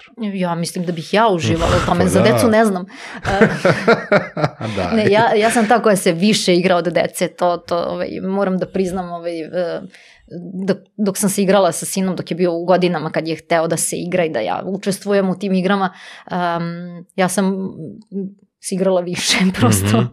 ono, pravim pripremu za neku igru pa se igramo, pa onda ja sve to opet moram da rasklonim i to. I ono, gledanje crtaća, znači ono, imala sam partnera za crtaće do skoro, sad više nije zainteresovan, tako da e, gledam ih sama, ali dobro. tako da kažem, ja u tome stvarno uživam, to je, to sam ja. A ovaj, da li će biti tih e, opcija za vrtiće, um, moguće. Moguće, e, nadam se da ćemo se videti u nekoj Mm. 200, 200 toj emisiji ili kako već, pa ću ti reći da sam to sprovela u delu. Ajde vidimo, sa Munjom i Maksom. Da, Hvala ti puno. hvala tebi. Bilo mi je divno, drago mi je da smo ispričali još jednu priču, ne toliko drvenu, više ovako jednu životnu. Mm, Hvala ti što si bila, čekamo onda Munju i Maksu da podelimo dalje, a, a to je bilo to. Hvala tebi. Pozdrav. Hvala vama što ste gledali još jednu epizodu još podcast 1. Ovo je bio moj razgovor sa mojom prijateljicom Ivanom Mijucom. Pogledajte drvene priče na društvenim mrežama, po- posjetite njihov sajt, pogledajte kako je moguće da se napravi eto, jedan proizvod koji nam omogućava da bolje komuniciramo sa decom, kako da napravimo neki proizvod koji će nam omogućiti kako možemo na kraju krajeva da ga nabavimo, Ivana ga je već napravila, e, da imamo više komunikacije sa svojim decom, da oni mnogo bolje artikulišu svoje priče, da oni otkriju neke nove stvari, da aktiviraju mozak na jedan drugačiji način, da više pričamo sa njima i da širimo dobru komunikaciju i ljubav. Hvala vam što ste bili uz nas. Ostavite nam neki share, like, subscribe, ostavite nam neki komentar na ovaj video, ovaj, ukoliko nas gledate na video platformama. To bi bilo to za ovu epizodu. Hvala sponsorima, to su Beans Kafa uz koju smo razgovarali Ivana i ja i to su Scandinavian Design Center, stolica u kojima smo sedeli. To je bilo to, vidimo se sledećeg četvrtka. Ćao, čao, bye bye.